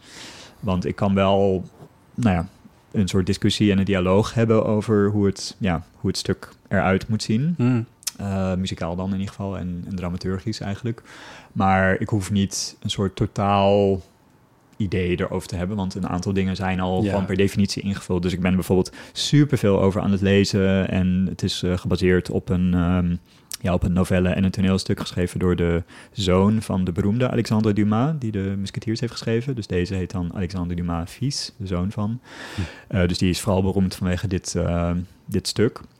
En hij heeft ook de historische persoon gekend waarop Traviata gebaseerd is. Ehm, De courtesan in kwestie. ja, ja. Die, eh, in het echt heette ze Alphonsine Duplessis. Eh, maar in de opera van Verdi heet ze dus eh, Violetta Valérie. Ehm, en nou ja, het is een, een fictionalisatie, romantisering van haar leven. En met name het einde van haar leven, want eh spoiler, she dies at the end. maar dat, maar dat in een opera? In een opera, ja. Het verschil is wel dat zij de enige is die sterft. Heel vaak is dat Oh ja. niet zo. maar nee, nee, het eindigt heel dramatisch met haar dood. Ja. Maar dat weet je al vanaf het begin, want zij heeft, eh, als zoveel mensen in die tijd, heeft ze tuberculose. De, de, de, de, De, de apenpokker van... de, de illness of beauty, zeg maar. Oh ja. Ehm, het was echt een schoonheidsideaal toen om, om, om tuberculose. Om de mensen, ja, omdat je er zo bleek en, Oh, ja. en mooi eigenlijk van werd, was dat Ja. ook iets wat mensen dus ook met make-up en zo gingen imiteren. Dat is Oh, heel interessant. ja. Maar dat even, dus dat is vanaf het begin van de opera is dat al een gegeven. Ze gaat gewoon hier aan sterven. Dit, dit, gaat, dit gaat over de romantische periode. Dit gaat niet over... Dat, want dat van Dumas, dat is al... Dat is al het, eh, ouder? ja, nee, werkt dus, wat, nou? ik- dus wat ik zei, ik heb er heel veel over gelezen. En het Ja. is maar de vraag hoeveel ik daarvan echt nodig ga hebben tussen aanstekens. Ja, maar ik ja, wilde ja. het vooral voor mezelf. Maar het, het speelt zich af zo een beetje in de jaren eh, 1850 ongeveer.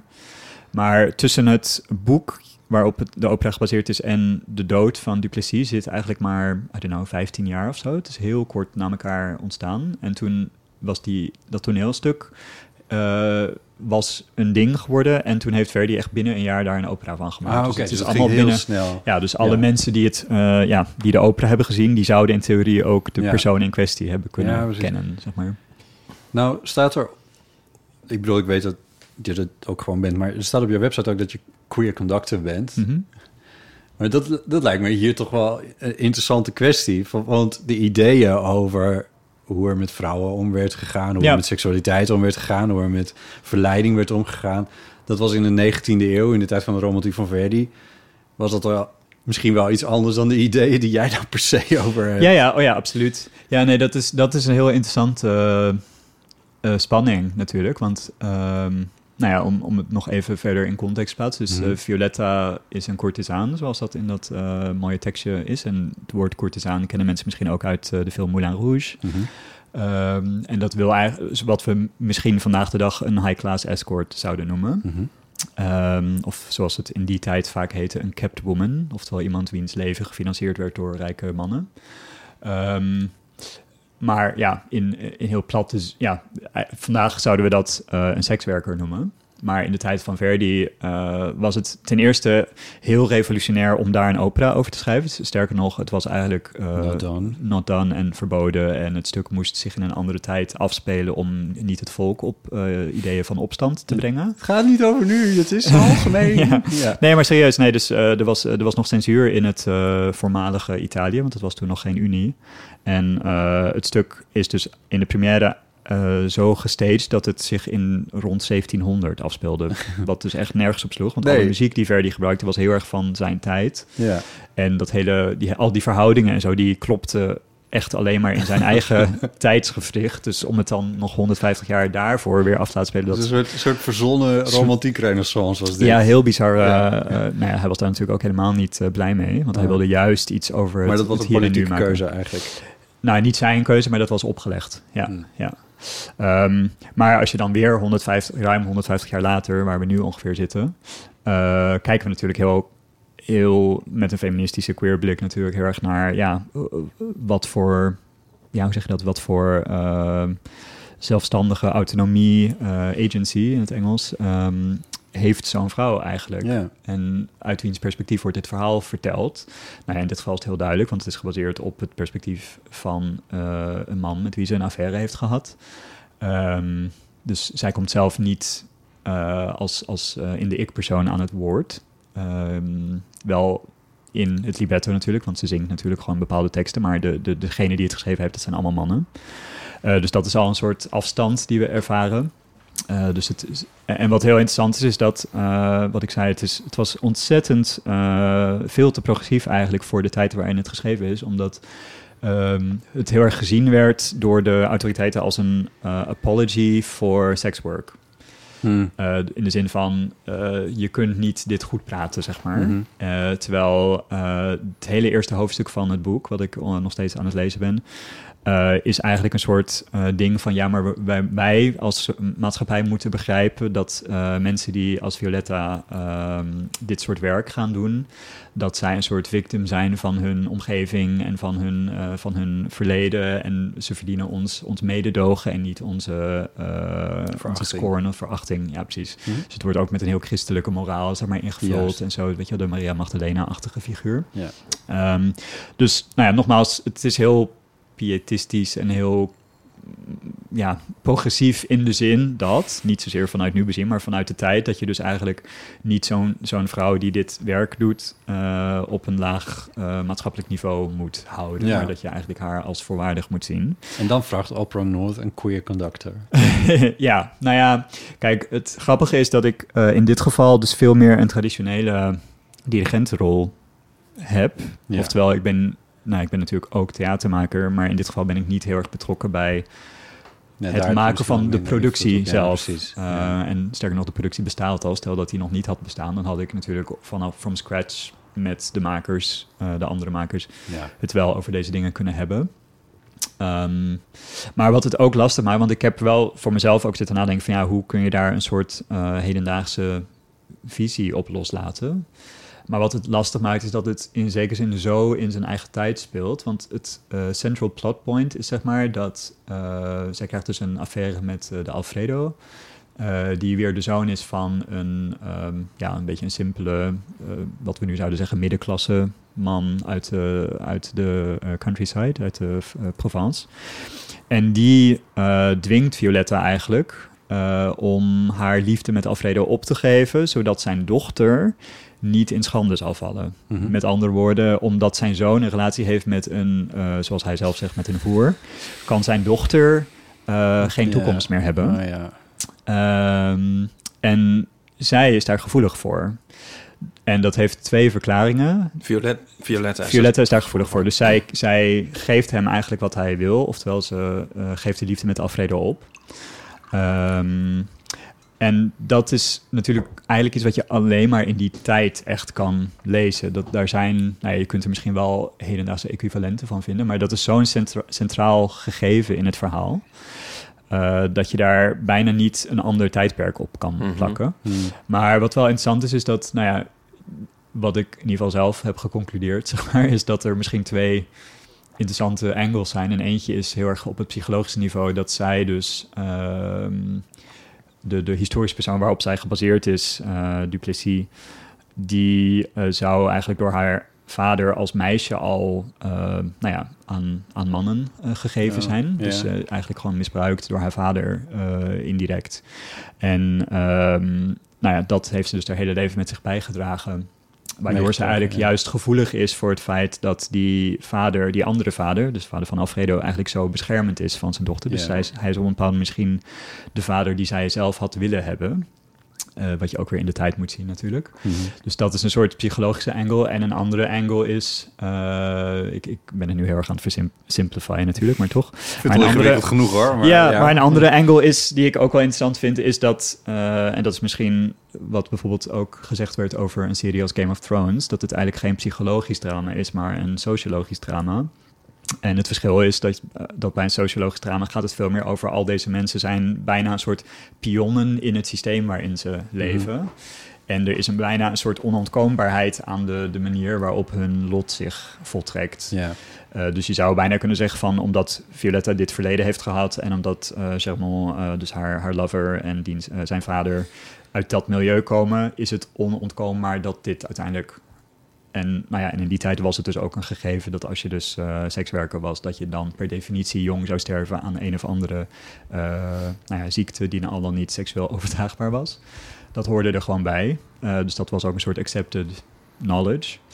Ehm, Hmm. En dat, ja, dus daar, is- in die zin zou je kunnen zeggen van ja, al deze ingrediënten bij elkaar maken dat dit een soort eh, bijna ja, Shakespeareaanse tragedie is, waarin alle basisvoorwaarden er per definitie toe leiden dat het op deze manier zo tragisch Ja. zal eindigen. Ja. Eh, en Verdi was ook een heel grote bewonderaar van Shakespeare. Dus in die zin was hij daar ook zeker Ja. geïnteresseerd in Ja. dat idee. Dus dit zijn wel dingen die ik allemaal meeneem naar, naar zo'n proces in. En waar we ongetwijfeld met, met de zangers en met de re- regie in de repetities ook het over zullen hebben als soort van achterliggende beweegredenen om bepaalde zinnen te zingen of bepaalde bewegingen te, te motiveren. Want je Ehm, schrijft niet even een liedje erbij. Nee, ik ben hier niet een maker in de zin dat ik hier echt het hele stuk aan het bedenken ben met een groep. Klopt, ja. Maar nogmaals, ik vind het gewoon heel fijn om er dan zo diep in te duiken. Ja. Omdat er, het geeft mij gewoon heel veel context over de componist en over zo'n Ja. zo'n leven van zo'n zo'n vrouw in dit geval. Eh, en ja, en om dan deze componist te begrijpen, moet ik eigenlijk ook alle componisten daarvoor begrijpen. En weet je, dus het is ook Ja. een, een deep dive into de muziekgeschiedenis opnieuw. En ja, wat is de, de, de, de Risorgimento, de beweging waar Verdi onderdeel was van was om Italië dus één te laten worden. Eh, hoe moet je dat dan weer teruglezen in zo'n stuk? Weet je wel, dus er zijn, nou ja, je kunt eigenlijk eindeloos door blijven lezen. En dat, nou, er komt een punt dat ik denk van, oké, voor deze situatie weet ik nu al echt genoeg. Maar het is ook weer heel handig voor een volgende keer dat ik ofwel deze opera ga doen, ofwel een andere opera van Verdi, of een ander stuk Ja. uit ongeveer deze Ja. periode. Want het is allemaal, ja, algemene vakkennis voor mij Ja, natuurlijk. Dus het is, niet, het is niet als ik een artikel heb gelezen waar ik vervolgens nooit aan kan refereren in deze komende periode, is dat alsnog nuttig geweest of zo. Ja. Ja. Hoe groot is het orkest waar je voor staat straks? Oeh, ehm, dat kan ik niet zo. ik- ja, snelle schatting is 70, 80 of Oh, zo. ja. Ja. zoiets. Het is niet het allergrootste romantische orkest. eh, nee, maar het is je- wel meer dan een kamerorkest. Ja, dat zeker. Ja. Ja, ja. Ja, en we spelen ook in eh, hele mooie, eh, ja, een beetje 17e, 18e eeuwse operahuizen. Zeg maar van die mooie stad Schouwburg Amsterdam, ronde. Het is een tournee door eh, Engeland, hè? waar Ja, door eh, Opera Ja. North speelt dus ook eh, vooral in het noorden van Engeland. Spannend. Ja, ja. En ehm, ja, het is Moet je heel, die- heel moet tof. je die dan allemaal leren kennen, die mensen? Ehm, welke Hmm. mensen heb je Nou, die, dat hele orkest. Nou, eh, in dit geval heb ik, omdat er dus twee dirigenten zijn, heb ik iets minder tijd met het orkest dan ik anders zou hebben gehad. Dus eh, we hebben besloten dat eh, mijn collega-dirigent, die, die zeept het orkest eigenlijk in zonder de zangers. En daarna ga ik ze pas voor het eerst zien als ze al ingezeept zijn. Eh, dus dan ben ik vooral bezig met dingen samenbrengen. Dus dan heb ik niet evenveel tijd met ze om ze echt allemaal individueel te leren kennen. Maar dat kan bijna nooit hoor. Je hebt bijna, Ja. het zijn, wat ik zei, het- als het er 70 zijn, dan kun je er misschien met 20 of zo leuke eh koffieautomaat gesprekken hebben. Ja. Ehm, En ingezeept. ja, met ingezet bedoel ik dat eh, bij, een bij zo'n klassieke opera als deze, dan eh, doe je altijd eerst een paar repetities met alleen het orkest zonder dat de zangers erbij zijn. Mhm. Zodat ze de muziek gewoon kennen. En dit Ja. stuk hebben ze natuurlijk al wel eens gespeeld, maar ook, dat is ook alweer bijna tien jaar geleden. Dus je moet het echt gewoon ja, inzepen, noem ik het dan maar even. En dan eh, zijn ze klaar om het ook met de zangers te gaan repeteren. Wat grappig. En dan, eh, en als, als de zangers en het orkest aan elkaar gewend zijn, dan verhuist het hele zootje naar het theater. Dan gaat het orkest in de bak zitten. Ehm, en dan ga je zogeheten eh ja, TO's doen, theaterorkestrepetities of toneelorkestrepetities, waarin je dus eigenlijk de hele opera gaat repeteren op het podium met de regie. En als er dan muzikale dingen nog niet werken, omdat er inderdaad ineens een heel orkest zit in plaats van één piano, dan eh, ga je die dan goed krijgen. En dan ben je op een gegeven moment bij de generale en dan eh, moet het gaan gebeuren. Hm. Wat een stress. Ik krijg helemaal stress van. Ja, nou ja, het voordeel is dat het ehm, een, een, een, ja, hoe zeg je dat? Een, een systeem is wat al, eh, nou ja, eigenlijk anderhalve eeuw, want eigenlijk dit begon een beetje zo in de tijd van Verdi een soort standaard te worden, dat het al zo gedaan wordt. En dat heeft voor- en nadelen, want het, het nadeel kan soms zijn dat je dus soms niet echt heel veel flexibiliteit daarin meer hebt. Nee. Maar het voordeel is dat, zeker met een stuk wat eigenlijk al heel lang bestaat en wat mensen in principe wel in hun oren hebben, dat je dus vrij snel tot heel goede Ja, resultaten Iedereen weet wel ongeveer wat hij moet doen. Precies, ja. ja, ja. Zit, zit er een hit in La Traviata eigenlijk? ja, best wel veel eigenlijk. Oh. Ehm, Eentje die we zo kunnen herkennen? Ik heb Spotify even opgegooid. ja, je zou eh, eh, bijvoorbeeld de derde die jij nu ziet, dat is het eh, drinklied uit de eerste acte, die piano. Ik meen zelfs eentje te weten. Oh mijn god. Dit is, dit is de music van de millions, toch? ja, dit wordt heel vaak ook op, op gala-concerten en uh, André Rieu en zo, die, uh, die, die Ja, inderdaad, ook. Ja, ja, tuurlijk, ja. Dit ga jij straks dirigeren. ja. Ja, maar dan in de context van het stuk als geheel, ja. Vet. Uh, maar om een heel klein stukje zang misschien, uh, wat, wat, bijvoorbeeld ook ehm, de, een, de, een, van de grote show-aria's van het Violetta-karakter, die zit helemaal aan het einde van de eerste acte. Ja. Uh, en die heet Sempre Libera.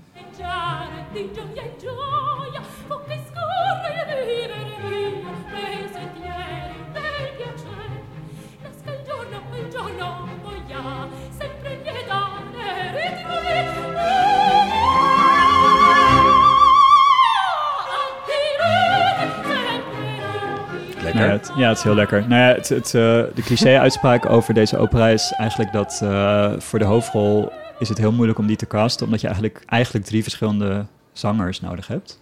Omdat de, uh, ja, de, de vereisten per acte, er zijn drie actes, uh, eigenlijk totaal verschillend zijn. Dus in deze eerste acte, waar we net een heel klein stukje uit hoorden, daar moet ze eigenlijk een soort, uh, ja, bijna een soort koningin van de nacht-achtige sopraan zijn, die dus heel snel korte nootjes achter elkaar kan zingen. Ja. Coloratuur heet dat. En in heet de uh, coloratuur. Ja, dus heel licht en hoog eigenlijk. Uh, en in de tweede acte, waarin dus dat moment is waarop die vader dus uh, haar komt uh, vertellen dat ze dus ja, dat offer moet brengen ten wille van zijn eigen dochter, dan is het veel meer een soort ja, dramatische rol, zeg maar, waarin ze dus heel veel gevoel en, en verschillende kleuren en emotie moet leggen. En in de derde acte, waarin ze dus eigenlijk op de ziekbed ligt en aan het einde sterft, dat is bijna een, ja, een soort, ja, ze wordt natuurlijk echt geacht heel goed te zingen, maar het is een soort spreekzang. Ze heeft bijna, ze heeft geen, ja, ze heeft een soort, ze heeft één hele beroemde aria, ook in de derde acte, maar zelfs die, uh, ik moet daarbij altijd denken aan, aan Stephen Sondheim. Want hij heeft bijvoorbeeld in uh, A Little Night Music... heeft hij ook voor een actrice een aria geschreven... Send in the Clowns, wat het allerberoemdste Stephen Sondheim nummer is. Ja. Uh, isn't it rich, isn't it queer? Uh, losing my timing this late in my career. Hm. Um, en dat heeft hij geschreven voor iemand die eigenlijk geen zangeres was. Ja. Dus alle zinnen zijn heel kort en uh, bijna in een soort spreekregister. En in de laatste acte van die Verdi-opera zit dus een, uh, een aria nog voor Violetta, die dus stervende is, waarin die eigenlijk allemaal accenten schrijft waaraan je kan horen dat ze dus stervende is. Dus het zijn niet de natuurlijke tekstaccenten, maar een soort horten en stoten en ademteugen. En nou ja, iemand die dus letterlijk aan, uh, ja, aan de tering, dus aanstekens, uh, Ja, aan ja. het sterven is. Um, en ja, om dat geloofwaardig te brengen, moet je iemand hebben die eigenlijk dus wel kan zingen, maar ook heel erg goed kan acteren en kan spreken en kan. Uh, dus ja, dat zijn gewoon drie totaal verschillende eisen die er gesteld worden. Ja. Maar goed, uiteindelijk wordt het natuurlijk altijd door één zangeres uh, vertolkt Ja. gedurende de avond. En die uh, moet dus echt van vele uh, markten um, thuis zijn. Zeg je dat zo? ja, dat zeg je zo. Wat vet. Ja, het is heel, heel gaaf. Maar het is gelukt, jullie hebben iemand. Ja, we hebben dus zelfs drie, want uh, we hebben dus één per cast. En we hebben, omdat het zo'n zware Ja, rol ja. is en COVID natuurlijk nog steeds een ding is, hebben we er nog een, uh, Ja. cover, een cover. Een cover. Ja. Oh, Ja. Understudy is, eh, is het Amerikaanse woord. Of is Ja. het meer een toneelwoord? Ja, het is ook een beetje een musical woord, denk ik. Ja, precies. Uh, en ik denk dat, ja, nou ja, het, het is Het woord uh, in de uitwissel- uitwisselbaar. Ja, is cover. Ja. Nou, het slechte nieuws is dat als je het echt wil zien, met jou op de bok, zoals Ja, het heet. Dan moet je helaas uh, naar Dan- Noord-Engeland. uh, Ja. en dat eh, speelt zich af in, eh, nou ja, grofweg oktober en begin november. ja, klopt. En, eh, hoe vaak speel je hem dan? Nou ja, ik heb uh, acht voorstellingen. En ik ben dus ook cover voor de andere acht, die Oh, dus ja. door mijn collega gedirigeerd worden. worden. Ja. Dus we zijn ook elkaars vangnet eigenlijk. Dus je bent wel steeds mee op tournee Ja. de hele tijd. Ja, klopt. Dus ze doen hem in totaal 16 keer. Wat echt uh, ja, tof is. Ja. en veel ook voor het orkest. Maar dat betekent dus eigenlijk gewoon dat je straks na de Pride, dan, dan stap je dus op dat, nou ja, dat vliegtuig. Ja.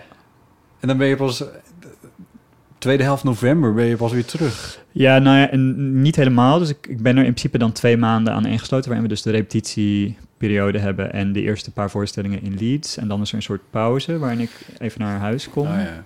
Eh, en dan ga ik eigenlijk met tussenpozen terug voor die losse voorstellingen die dan Oh, ja. ook nog op tournee gaan. ja, dus we zien je nog wel eventjes hier. Zeker, Maar je zit ja. gewoon in die productie voor de Ja, ik ben gewoon eventjes helemaal eh, Ja. verhuisd naar Leeds voor twee maanden. Wat, wat heerlijk, maar ook wat een gedoe.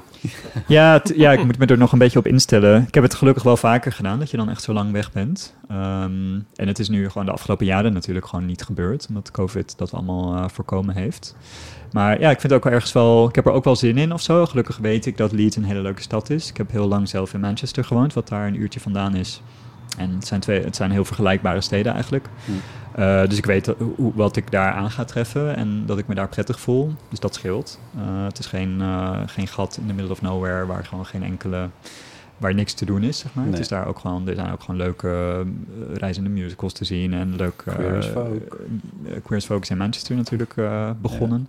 Nou ja, dus de, het is best wel levendig. Dus Ja. daar kijk ik ook wel naar uit. En het is gelukkig niet zo ver weg. Dus als er echt iets zou zijn, dan kan ik natuurlijk ook snel eh, deze kant weer opkomen. Als wij je bellen. Ja. Een- Met een, noodsitu- een, een nieuw noodpodcast situatie. Ja, precies. Ja, dan eh, ben ik eh, eventueel Ja. in te vliegen. Ja. Zin in? Ja, zeker. Ja, nee, het is, ehm, ik hoop wel dat ik tussendoor heel even een weekendje hierheen kan komen. Maar dat is op dit moment nog ehm, onzeker. Dus ik stel me er eigenlijk bij mijn vertrek op in dat ik gewoon twee maanden weg ben. Ja. Ja. Ik vind het echt heel vet dat je dit gaat doen. En ik vind het heel jammer dat hij niet naar Nederland reist, deze voorstelling. Ja, ja dat ja, eh, snap goed. ik. Is, eh, ja, het, eh, ik zal misschien af en toe even een, eh, een voice update kunnen geven of zo. Oh ja, oh leuk. Ja, Nou, dat lijkt me wel wat. Oké. Hey, Ipe, Ja. je hebt, je hebt geen nietje. Ja, Ik weet dat het je irriteert dat je geen nietje hebt in het draaiboek. Klopt. Maar Zo onsamenhangend. Ja, en de vorige keer zag ik dat je het nietje eruit aan het plukken was. Ja, om jou te irriteren. En dat irriteerde mij een beetje. Ja, het is gelukt dus. En dit, ik bedoel dit niet passief-agressief, maar je, ik dacht nu toch van nee, nee, je krijgt nu geen nietje. Nou, dat begrijp ik wel. Ja, Dat oké. heb ik misschien wel verdiend. Nou, Maar misschien de volgende keer mag ik dan wel, misschien wel weer een nietje. Dan is dat, dat ja, de volgende keer mag, mag je weer een nietje hoor. Oké, goed. nou, wordt genieten. Ja.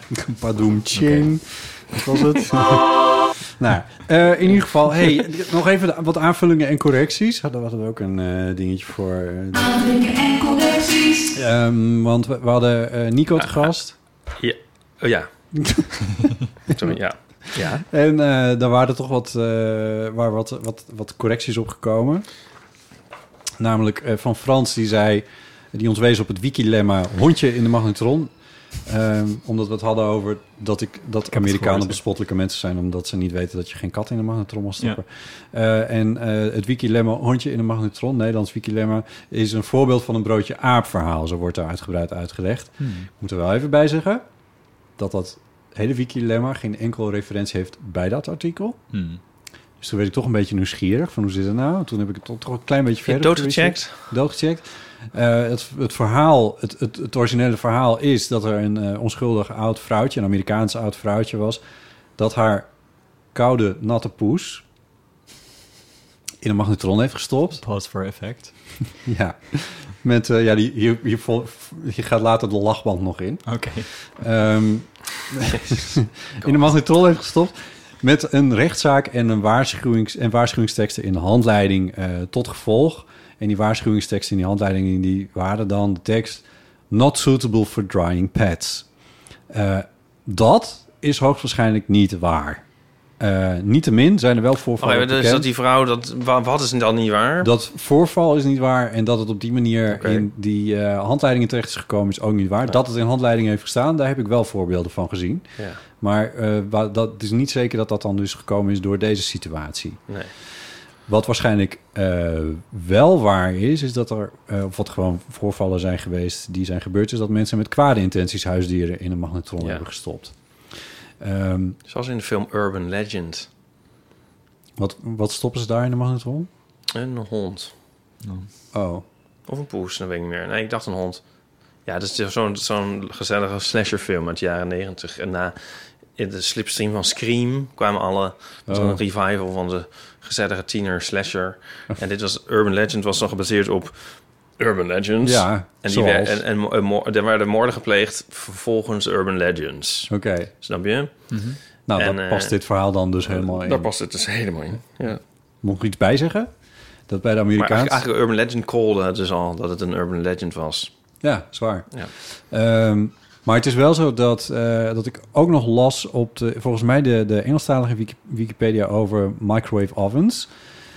Uh, another early discovery of microwave oven technology was by British scientists who in the 1950s used it to reanimate, Cryogenically. dank je, frozen hamsters. Oké.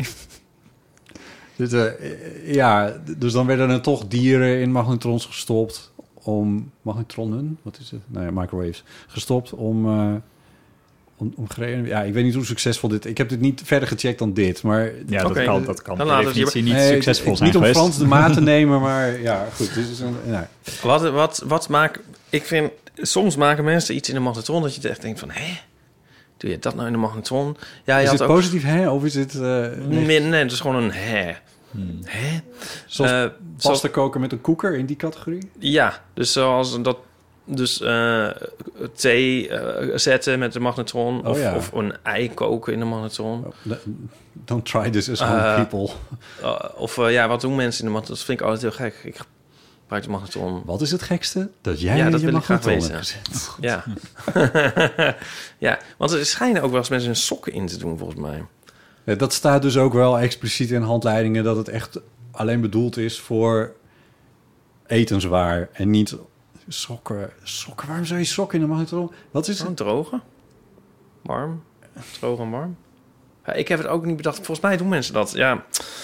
Eh, Ja, je, hebt de stuur maar weer categorie dingen die, je hebt de categorie dingen die daadwerkelijk een ding zijn, namelijk microwave meals, microwave mug meals. Ik bedoel, je kunt eieren bereiden, maar dan niet in, in de eh, shell en zo. Maar je hebt inderdaad ook een categorie van dingen die, die mensen wel eens in een magnetron hebben gedaan met niet erg goed, goede afloop. En daar vermoed ik dat de, de sokken en de, de ijzeren whatever's ook Volgens mij tot- een sokken erin. Maar ah, oké, ik weet niet zeker. En er was op een gegeven moment ook een, een kookboek. Daar heb ik nog een drie hoogstrip over gemaakt. Ehm, va- eh, vaatwasgerechten. En Ja. dan kon je dan in de vaatwasser gerechten bereiden. Ja, klopt. Nou ja, er is, er is, dit is een, eh, een cultuurtip, I guess. Er is een, eh, een serie op eh, YouTube die heet Candice Chef. Die is superleuk. Alexis de Bosnek heet zij. En zij, krijgt, zij werkt voor onder andere Tasty. Dat is zo'n food channel op YouTube. en zij krijgt dan bij elke iteratie van Candice Chef... krijgt zij een, een appliance toebedeeld... waarin ze dan drie gangen moet bereiden. En dat zijn dan Kitchen appliances... gear. Nou, nee, het zijn juist geen kitchen gear. Dus het is in de categorie eh, Kettingzaag. eh, power drill, eh, koffie, koffiezetapparaat, eh, een strijkijzer. ehm, Ja, leuk. Ja, nou ja, goed. Wat En het is super leuk, want ze is, nou, ze is een hele goede chef. ehm, dus zij is super inventief en ze heeft dan gewoon op de een of andere manier maakt ze gewoon een fantastisch. En het leuke is dat ze dan het, het drie gangen diner moeten laten proeven door iemand die niet weet met welke appliance het gemaakt is. en dat ze dan op het eind zo kan zeggen van de reveal van nou, and what you just ate was made with a clothes iron. en nou ja, soms dan zit ik echt te kijken van nou, eh, ik zou dit niet, niet eens hebben bedacht met een fornuis, we maar zeggen. Ja, ja, ja. Eh, en soms dan heeft ze het er echt wel moeilijk mee. Maar eh, er staat dan wel overal bij van don't try this at home. Oh ja. Oh, ja. Ja, maar dat is wel een cultuurtip. Eh Candice Chef op eh, de Tasty eh, channel van YouTube.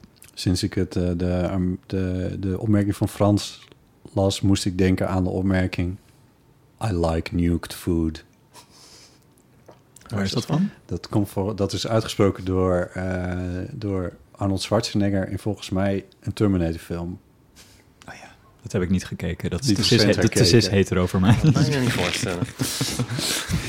Oké, nog iemand over rare Amerikanen. Rosa die schreef nog van... eh, oh, het is aan jou gericht trouwens. Hey Ipe, Terminator 3 is wel leuk. Oké. Cultuur, cultuurtip. de- ik, ik denk dat dit uit een vroege Terminator film kwam. Want dit, lijkt- dit is zo'n typische eind jaren tachtig opmerking, toch? I like nuked food. Dat ging over magnetron eten. Oké, nou, die, Ja. Komen hier nog wel. Hier komen we op terug in de volgende aanvullingen keer en in, correcties. in 250 afleveringen van, van de Eeuw van Amateur doe ik een popcultuurreferentie. Wordt er ons allebei niet nee, wordt het niet herkend. Nou ja, goed. Ja, Ehm, omdat het denk ik niet klopt. Ik weet... Oké, sorry. Oh god, straks nou. ga ik helemaal nat. Ja, het zal wel. Ja, dan zou die uit deel 1 moeten zijn, want die heb ik niet recent herkeken. Oké, lees jij de volgende voor? Ga ik het ondertussen even googlen. Ja. Thank you. Ja. Hey Ipe, ik was even jullie podcast aan het luisteren en, heb daar, en daarin heb je het over dat de mensen in Amerika zo groot worden door het vlees met groeihormonen dat ze eten. En dat je niet meer zo goed wist van wie je dat had. Dat was Aaf die dat heeft gezegd bij jullie in een podcast en het ging over Australië. Ja, grappig. Eh, dus ja, nou hebben we dat ook. Ik, ik, eh, dat was eh, Rosa trouwens die dat eh, aan ons stuurde. Eh, hartelijk dank daarvoor. Fijn dat jullie zo opletten allemaal. Dat lukt ons niet zo goed meer. 06 1990 68 71. Een belletje? Heb je al een antwoord? Nou, eh, er zijn geen hits voor Terminator en... eh, I like new food? Nee, het zal... Fuck. Ja, helaas. Ja, dan Hoe kan het nou? ah, jezus. Nou, ja, je weer de- correct.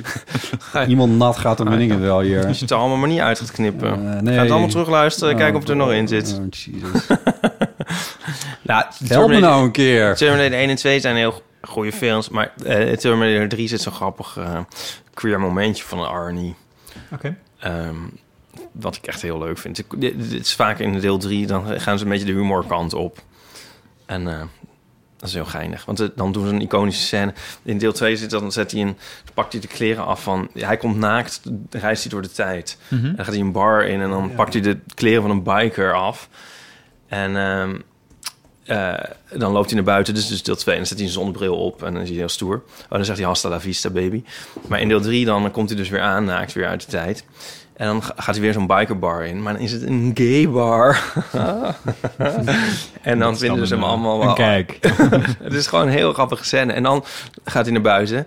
En dan zet hij weer een zonnebril op. En dan is het een soort, een soort Elton John ster, zo'n zonnebril in- met stervormige glazen. Ja, het is, het is, het is, hila- het is gewoon grappig. Het is echt grappig. Ik heb, ik heb, ik heb Ja. inmiddels ook iets gegoogeld. Hmm. Oh. Hij heeft het wel gezegd, maar het was in de film Twins. Hmm. Oh, dat meesterwerk. Waar- Waarom heb ik dit gezien? nou ja, goed, never mind. Eh, Oké, waar waren we? Bij ehm De eeuwfoon. ingebleven, inderdaad. Eh, eerst eventjes, eh Basti op Twitter. Dit gaat over vakantieontmoetingen. Daar hebben we een oproep toe gedaan. Eh, wie je op vakantie tegen me bekomen- bent gekomen. Een bekende van je of een bekende Nederlander. En hoe dat dan afliep. Bas schreef op Twitter... Op vakantie in Dijon hoorde ik iemand in Galerie Lafayette zeggen... Is dit nou de Franse bijenkorf? Het lijkt meer de Franse zeeman. En dat was Ipe, samen met Jules en anderen. Toen durfde ik hem niet aan te spreken... en nu durf ik dit niet in te spreken bij de Eeuwofoon.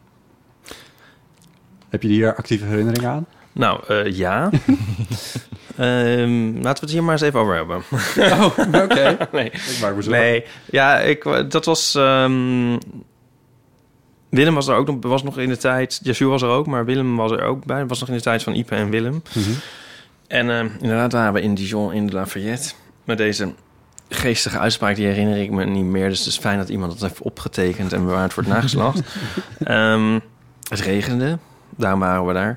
Nee, en het waren een soort... Ja, er waren twee jongens en die waren een beetje zo... mm, mm, aan het kijken en zo. Toen op een gegeven moment kwam er eentje... in mijn Die herinnering aan het althans... uitchecken. Nee, maar Oh. op een gegeven moment kwam er eentje naar ons toe van... Oh, is dat- ja, jullie zijn toch Iep en Willem? Oh. Oh ja, ja, oh, nou, leuk. Ja, en, eh, ja, en eh, ja, vooral mijn vriend is erg fan, maar die durft niet... eh, ja, die wil eigenlijk op de foto... Ja. Die durft, wil eigenlijk op de foto, maar die durft niet. En zei, oh, nou, het mag wel. Het zal, vinden we alleen maar leuk of zoiets, zeiden we. Toen al, dit is meer dan... Dit is denk ik twaalf jaar geleden. Ja, Ehm, zover die leefde nog.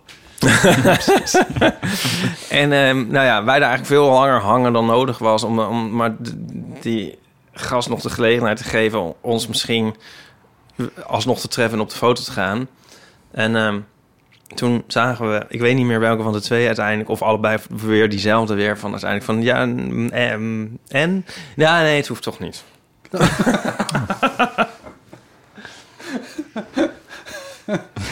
Ik heb nog een ander grappig verhaal over de Galerie Lafayette. Eh, niet uit eerste... eh, uit, nou ja, ik heb het niet zelf meegemaakt, maar wel uit eerste hand van iemand eh, die ik goed ken. Die was volgens mij vorige zomer even in Parijs, ook bij een Galerie Lafayette. En die werd ook eh, gecheckt door een eh bel garçon.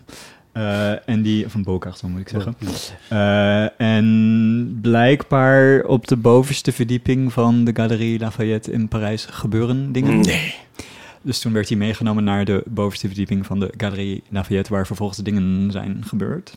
De Lazaret van Lafayette. ja, precies. Ja, dus dat blijkbaar was er een soort understanding eh, among the Parisian gays dat Oh. de bovenste verdieping een soort cruising Oh. corridor was. Ja, Ja, maar dan is het omdat daar dan wc's zijn of zo? Of gewoon know. tussen, Ik- tussen meer- de, meer tussen de dan dit. onverkoopbare badpakken? Ja, geen idee. Maar in ieder geval, eh, dit, eh, dit, deze informatie is tot mij gekomen en ik deed dit nu met de wereld. Oh Dus- ja. nou, in Dijon was het dus allemaal niet aan de hand. Ja, wij werden dus nogmaals niet Ben je wel helemaal boven geweest? gecheckt, maar herkend. Ja, nee. Dat niet Ja, nee. Ja, ja, dat had ik net begrepen. einde. Oké, Nee, maar interessant. Fleur. Ik was toen ik eh, op naar middelbare school, dus 18, 19, was naar, ben ik naar eh, Zuid-Amerika geweest voor eh, bijna negen maanden. En daar ben ik twee mensen tegengekomen. De eerste was een, een stond ik eigenlijk langs een weg langs de kust bij het dorpje A te wachten op de bus naar dorpje B. En ineens stond daar een klasgenoot voor mijn neus. En zo eentje met wie ik niet echt iets had, maar ook niet niet, zeg maar. En we gaven elkaar volgens mij wel een knuffel. En we stonden heel even te praten. En toen kwam de bus. En toen ben ik in de bus gestapt. En toen ben ik vandoor gegaan. En nu denk ik, waarom zijn we niet even wat gaan drinken? Of hebben we iets afgesproken voor later? Of ik hoefde ook helemaal niet per se op tijd ergens te zijn. Ik ging, was, ging gewoon naar het volgende dorp. Maar dat was niet nodig op dat moment per se of zo. Niemand zat op me te wachten. Ik kon gaan en staan waar ik maar wilde. Dat was natuurlijk ook het doel van die reis. Dus nu achteraf denk ik altijd nog, waarom heb ik niet gewoon iets met hem gedaan? Een drankje drinken bedoel ik dan, hè? Eh, en het andere was ook in Ecuador. Ik Ecuador. begon die reis met vier maanden vrijwilligerswerk. Oh, Dus ik zat op dezelfde plek. Toen ging ik een keer uit met een aantal van medevrijwilligers. En eh, naar zo'n soort salsa-discotheek. En daar stond eh, Johnny de Mol buiten. En een van die vrijwilligers ik was, was een Nederlander.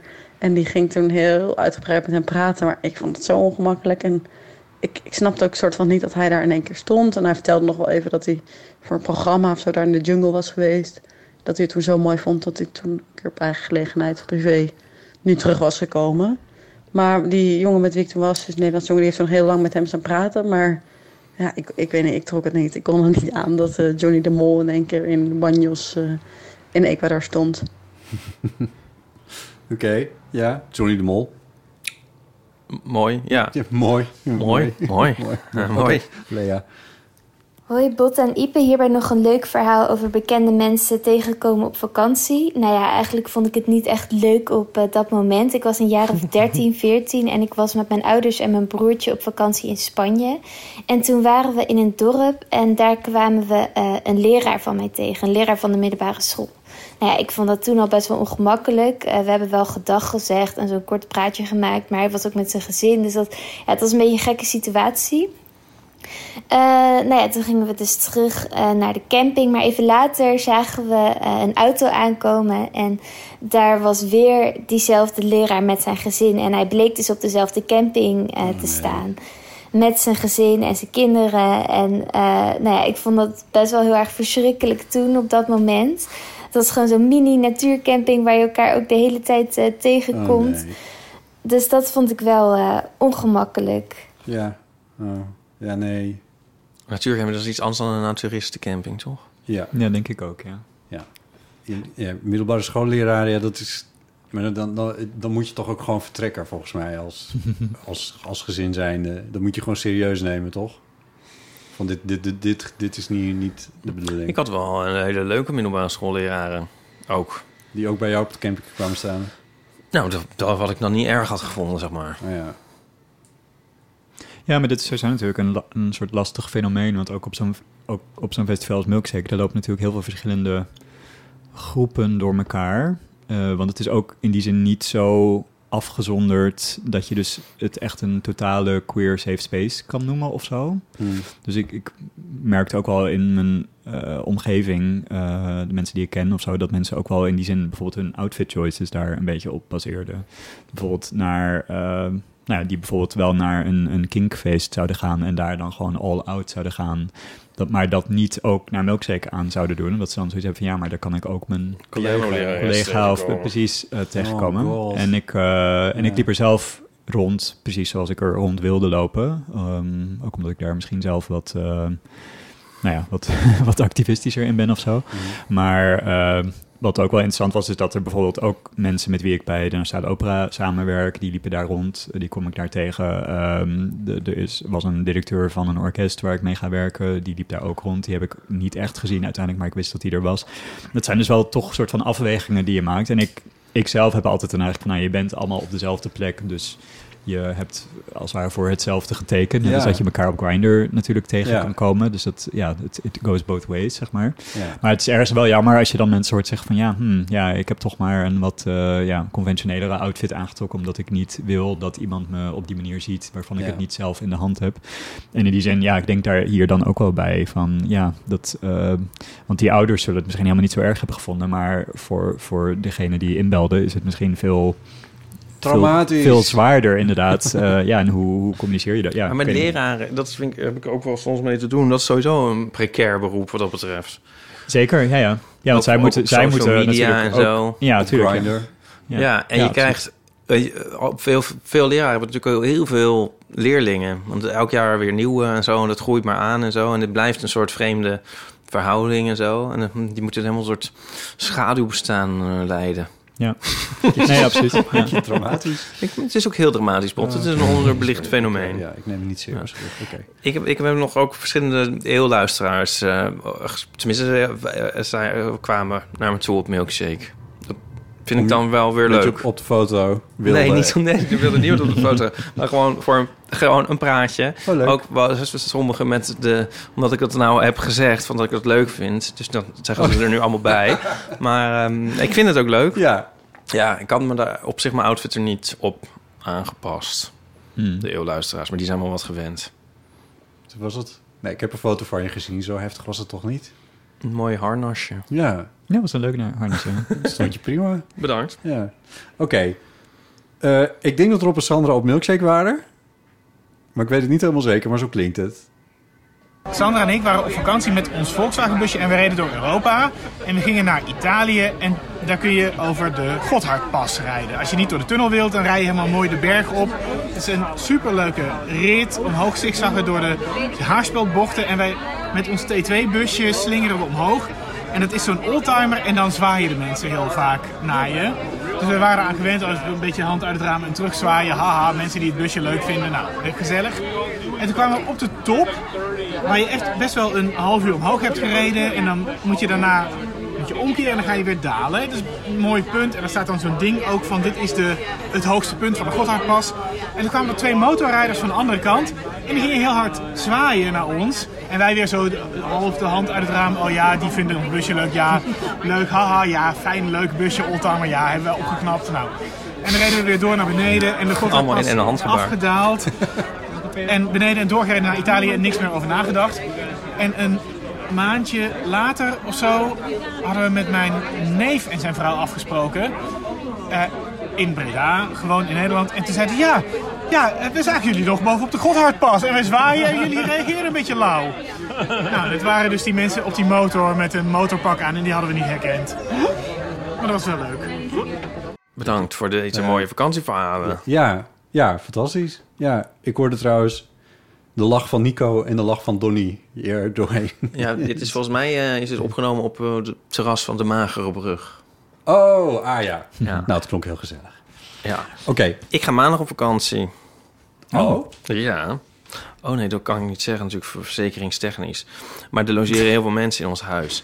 Maar uh, ik ben ook maar een dag weg. Ja, benieuwd, benieuwd wie ik allemaal tegenkom. Ja. Nou, als mensen jou zien... ja, dat weten ze nou wel. Oké, er, dus- er is ook nog een berichtje van Linda. We hadden de vorige keer... Uh, Senna die had gezegd van dat ze in, de, in, het, in Duitsland was... en eten ging bestellen en toen plotseling Frans sprak... en dat ze zich helemaal kapot schaamde daarover... Uh, Linda is iets vergelijkbaars overkomen. Um, ik heb ook een keer een enorme blunder gemaakt in Duitsland. Uh, dus niet helemaal jullie thema, blunders maken in het Duits. Maar ik denk, ach, er toch even. Leuk thema. Um, het ging zo. Ik en mijn inmiddels uh, ex-vriend en nog een vriend gingen, uh, waren onderweg naar Frankrijk voor wintersport. En we hadden een overnachting in Duitsland. Ik, eh, ik moet heel goed nu nadenken dat ik het juist vertel, anders gaat het niet goed. Ehm, we gingen een overnachting doen dus. Ik sta aan de balie, ik doe het woord in mijn beste Duits. En ik wil zeggen, brauchen Sie mijn Ausweis. Wat wil ik zeggen? Maar wat er uitkomt is, brauchen Sie mijn Auschwitz. Op het moment dat ik het zeg, realiseer ik me wat ik zeg. Eh, ik zeg heel veel, oh, entschuldigung, entschuldigung, entschuldigung, oh, entschuldigung. En mijn ex en zijn vriend lopen eigenlijk langzaam weg van die balie nadat ik dit gezegd heb. Eh, in volledige stilte gaan ergens een hoekje om en gaan daar onbedaarlijk gaan lachen. En laten mij dus achter in mijn zwarte gat van een en dat soort dingen. Ehm, de dame achter de balie had volgens mij echt wel door dat dit niet mijn bedoeling was. en die hield een pokerface waarvan ik tot op de dag van vandaag nog denk van... Wauw, hoe is dit mogelijk? Daar zijn er Ehm, Duitsers voor. Nou ja, goed. Ik leg eruit wat ik wel degelijk bedoelde. We, doen de, we handelen alle formaliteiten af. En ehm, daarmee was het dan gedaan. De volgende ochtend stond zij hel- helaas ook nog eh, bij het checken van, de ontbijt, eh, van het ontbijt. Als je dan de ontbijten of kamernummer heb je, daar stond zij ook weer. Dus ik heb geen entschuldigung meer gezegd, maar ik heb gewoon mijn, mijn kamernummer genoemd en ben gaan eten.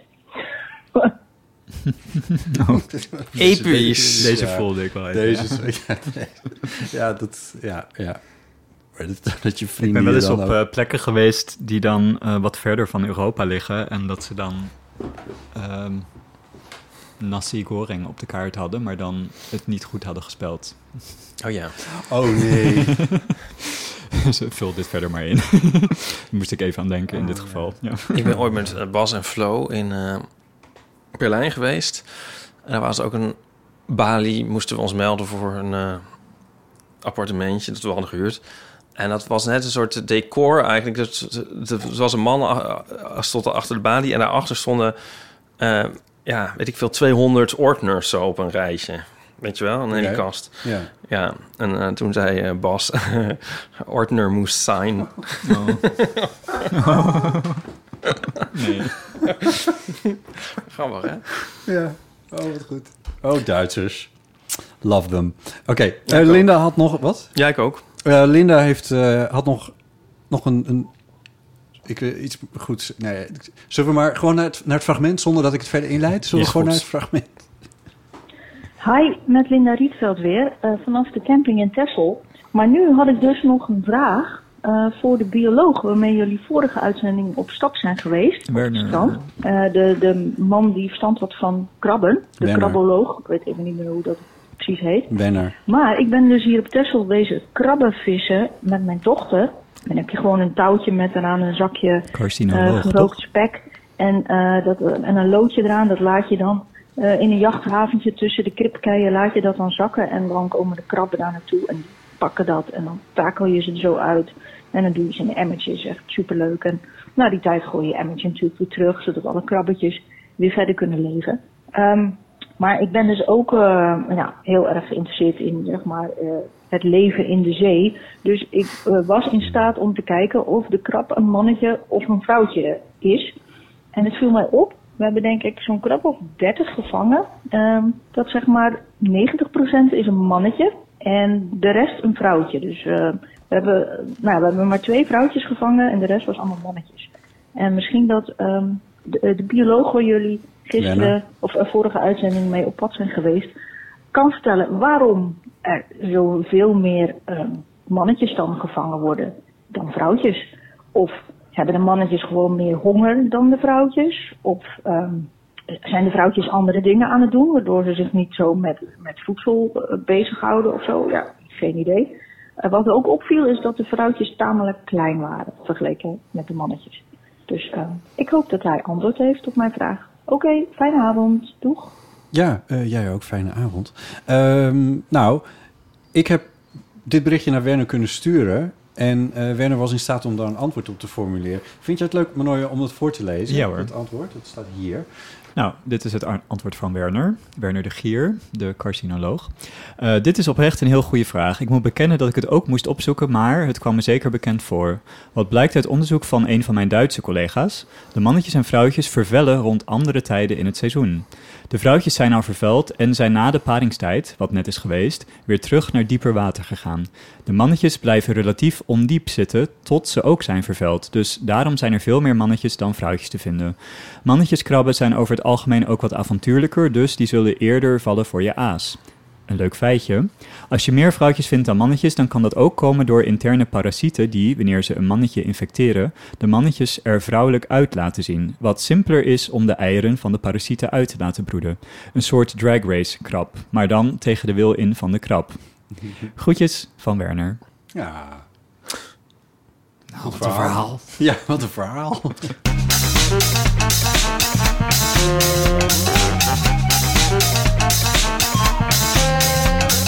Vriend van de show. Je kan vriend van de show worden. Dan kun je bijvoorbeeld luisteren naar de, de extra eh, aflevering die we met Nico nog hebben opgenomen. De theezakjes eh, vragen beantwoord aflevering. Wat als leuk. vriend van de show heb je toegang tot extraatjes. En de Pride Walk aflevering van vorig jaar, mocht je die van dit jaar nou zo leuk hebben gevonden. Correct. Die stond inderdaad achter het muurtje. En ons eh, filmcommentaar op Mamma Mia. Ga je ze nou allemaal op? Ja. Misschien kunnen we wel een keer Terminator kijken. Met... Nou, laat maar. Ja, of Twins. Twins, dat zijn heel leuk. Anyway. Eh, ga dan naar vriendvandeshow.nl slash eeuwa. En dat kost eh 2,50 euro per maand. En we hebben op dit moment 614 vrienden. En nieuwe of hernieuwde vriendschappen zijn eh, van Arne 21, Maria Suus, Anke en Lisette. Van harte welkom bij de Vrienden van de Show. Oh nee, ik zou hem door laten lopen, hè? Je zou hem door laten lopen. Oké, nou ja. Maakt ook niet uit. Nou, doe- ik zet hem gewoon aan. Sorteren dat er zo dingen niet onder. Oké. Deel van Amateur is een podcast van Botte Jellema, Ipe Driessen en soms Paulien Cornelis. Zal ik je doorheen praten? Gewoon. En deze aflevering saai, waarom moet dit? was op. Ehm, heb jij nog vakantie? Oh nee, jij gaat natuurlijk de. Traviata. Ja. Zou niet eens een keer op vakantie moeten gaan? Die is volgens mij al vijf jaar niet meer op vakantie geweest. heeft hij nu vakantie. Ja, maar kan hij niet naar jouw voorstelling komen kijken in Noord-Engeland en een paar dagjes aanpakken, plakken? sterretjes in de podcast app. Hij hoort het wel in de montage. Doe het maar, Botten. 6 4,6 uit de 5 sterretjes. Volg ons op Instagram. Vind meer informatie over de show en aflevering op eeuw.show. Reageer via botten.eeuwvanamateur.nl of op de voicemail van onze telefoon. En het nummer is... 06 1990. Yes. 68. 71. Je kan ons steunen dus via vriendvandeshow.nl slash eeuw. En je kan ons ook steunen door deze aflevering te delen met je vrienden. Dat is ongeveer het gewicht waar ik tussen uh, fluctueer, 68, 71. Hmm. Ja, het is toch weer even een leuk weesje voor de luisteraars. Mijn geboortejaar en het gewicht waar ik tussen fluctueer. Het is eigenlijk de eeuwfoon. Nou, geboortejaar. Nou ja, was- ja, ik ben maandag jarig. Wisten jullie dat? Echt? Ja. Oh, nou, eh, tegen de tijd dat de mensen dit horen ben je nog steeds niet jarig. Dus alvast gefeliciteerd. Ja, bedankt. ja, daarom ontvlucht ik ook het land. Ja. Hey, wij gaan ook even met vakantie, toch? Ja, ik had bedacht dat we misschien wel ehm, eh, afleveringen kunnen gaan herhalen. Is het niet lekker om de luisteraar lekker wat rust te geven... en dan ook een soort behoefte te creëren aan nieuwe afleveringen? Door dit Ik juist niet te doen. Een soort droogte. Soort- Nee, maar alle podcasts die stoppen in de zomer. Dat is heel irritant voor mensen die niet de reguliere eh, bouw- bouwvakvakantie aanhouden. En mensen die, ja. En mensen die gewoon moeten werken. Ja, maar dan kunnen mensen Ja. toch zelf ook wel voorzien... dat ze oude afleveringen luisteren? Ja, maar als we ze daar nou gewoon bij helpen. Van, hey, dit is een aflevering waar we veel reacties op hebben gegeven. Het is een aflevering waar mensen nog aan refereren. Dit is een aflevering die mensen leuk vinden. We hebben het voor je uitgekozen. Mocht je een andere willen horen, dan kan dat. Maar deze bieden we Nou, je nu als aan. jij dat wil, hè, schat... dan eh, moet je dat vooral doen. Oké, nou, dat was het. Ehm Monoy, dankjewel dat je er was. Ja, ik vond het heel leuk om er weer eh, aan tafel te zitten. Ik vond het heel gezellig en informatief. En eh, volgens mij hebben we ook een leuke analyse van de stand van zaken in Queer Amsterdam Pride toestand. Ja, ja, we hebben wel eh, goed, goed daarop gereflecteerd. Ik hoop het ook. Ipe, dankjewel. Nou, jullie ook. Mijn naam is Botte Jellema. Bedankt voor het luisteren. Tjus. Doei. Cheers. Hasta la vista, baby.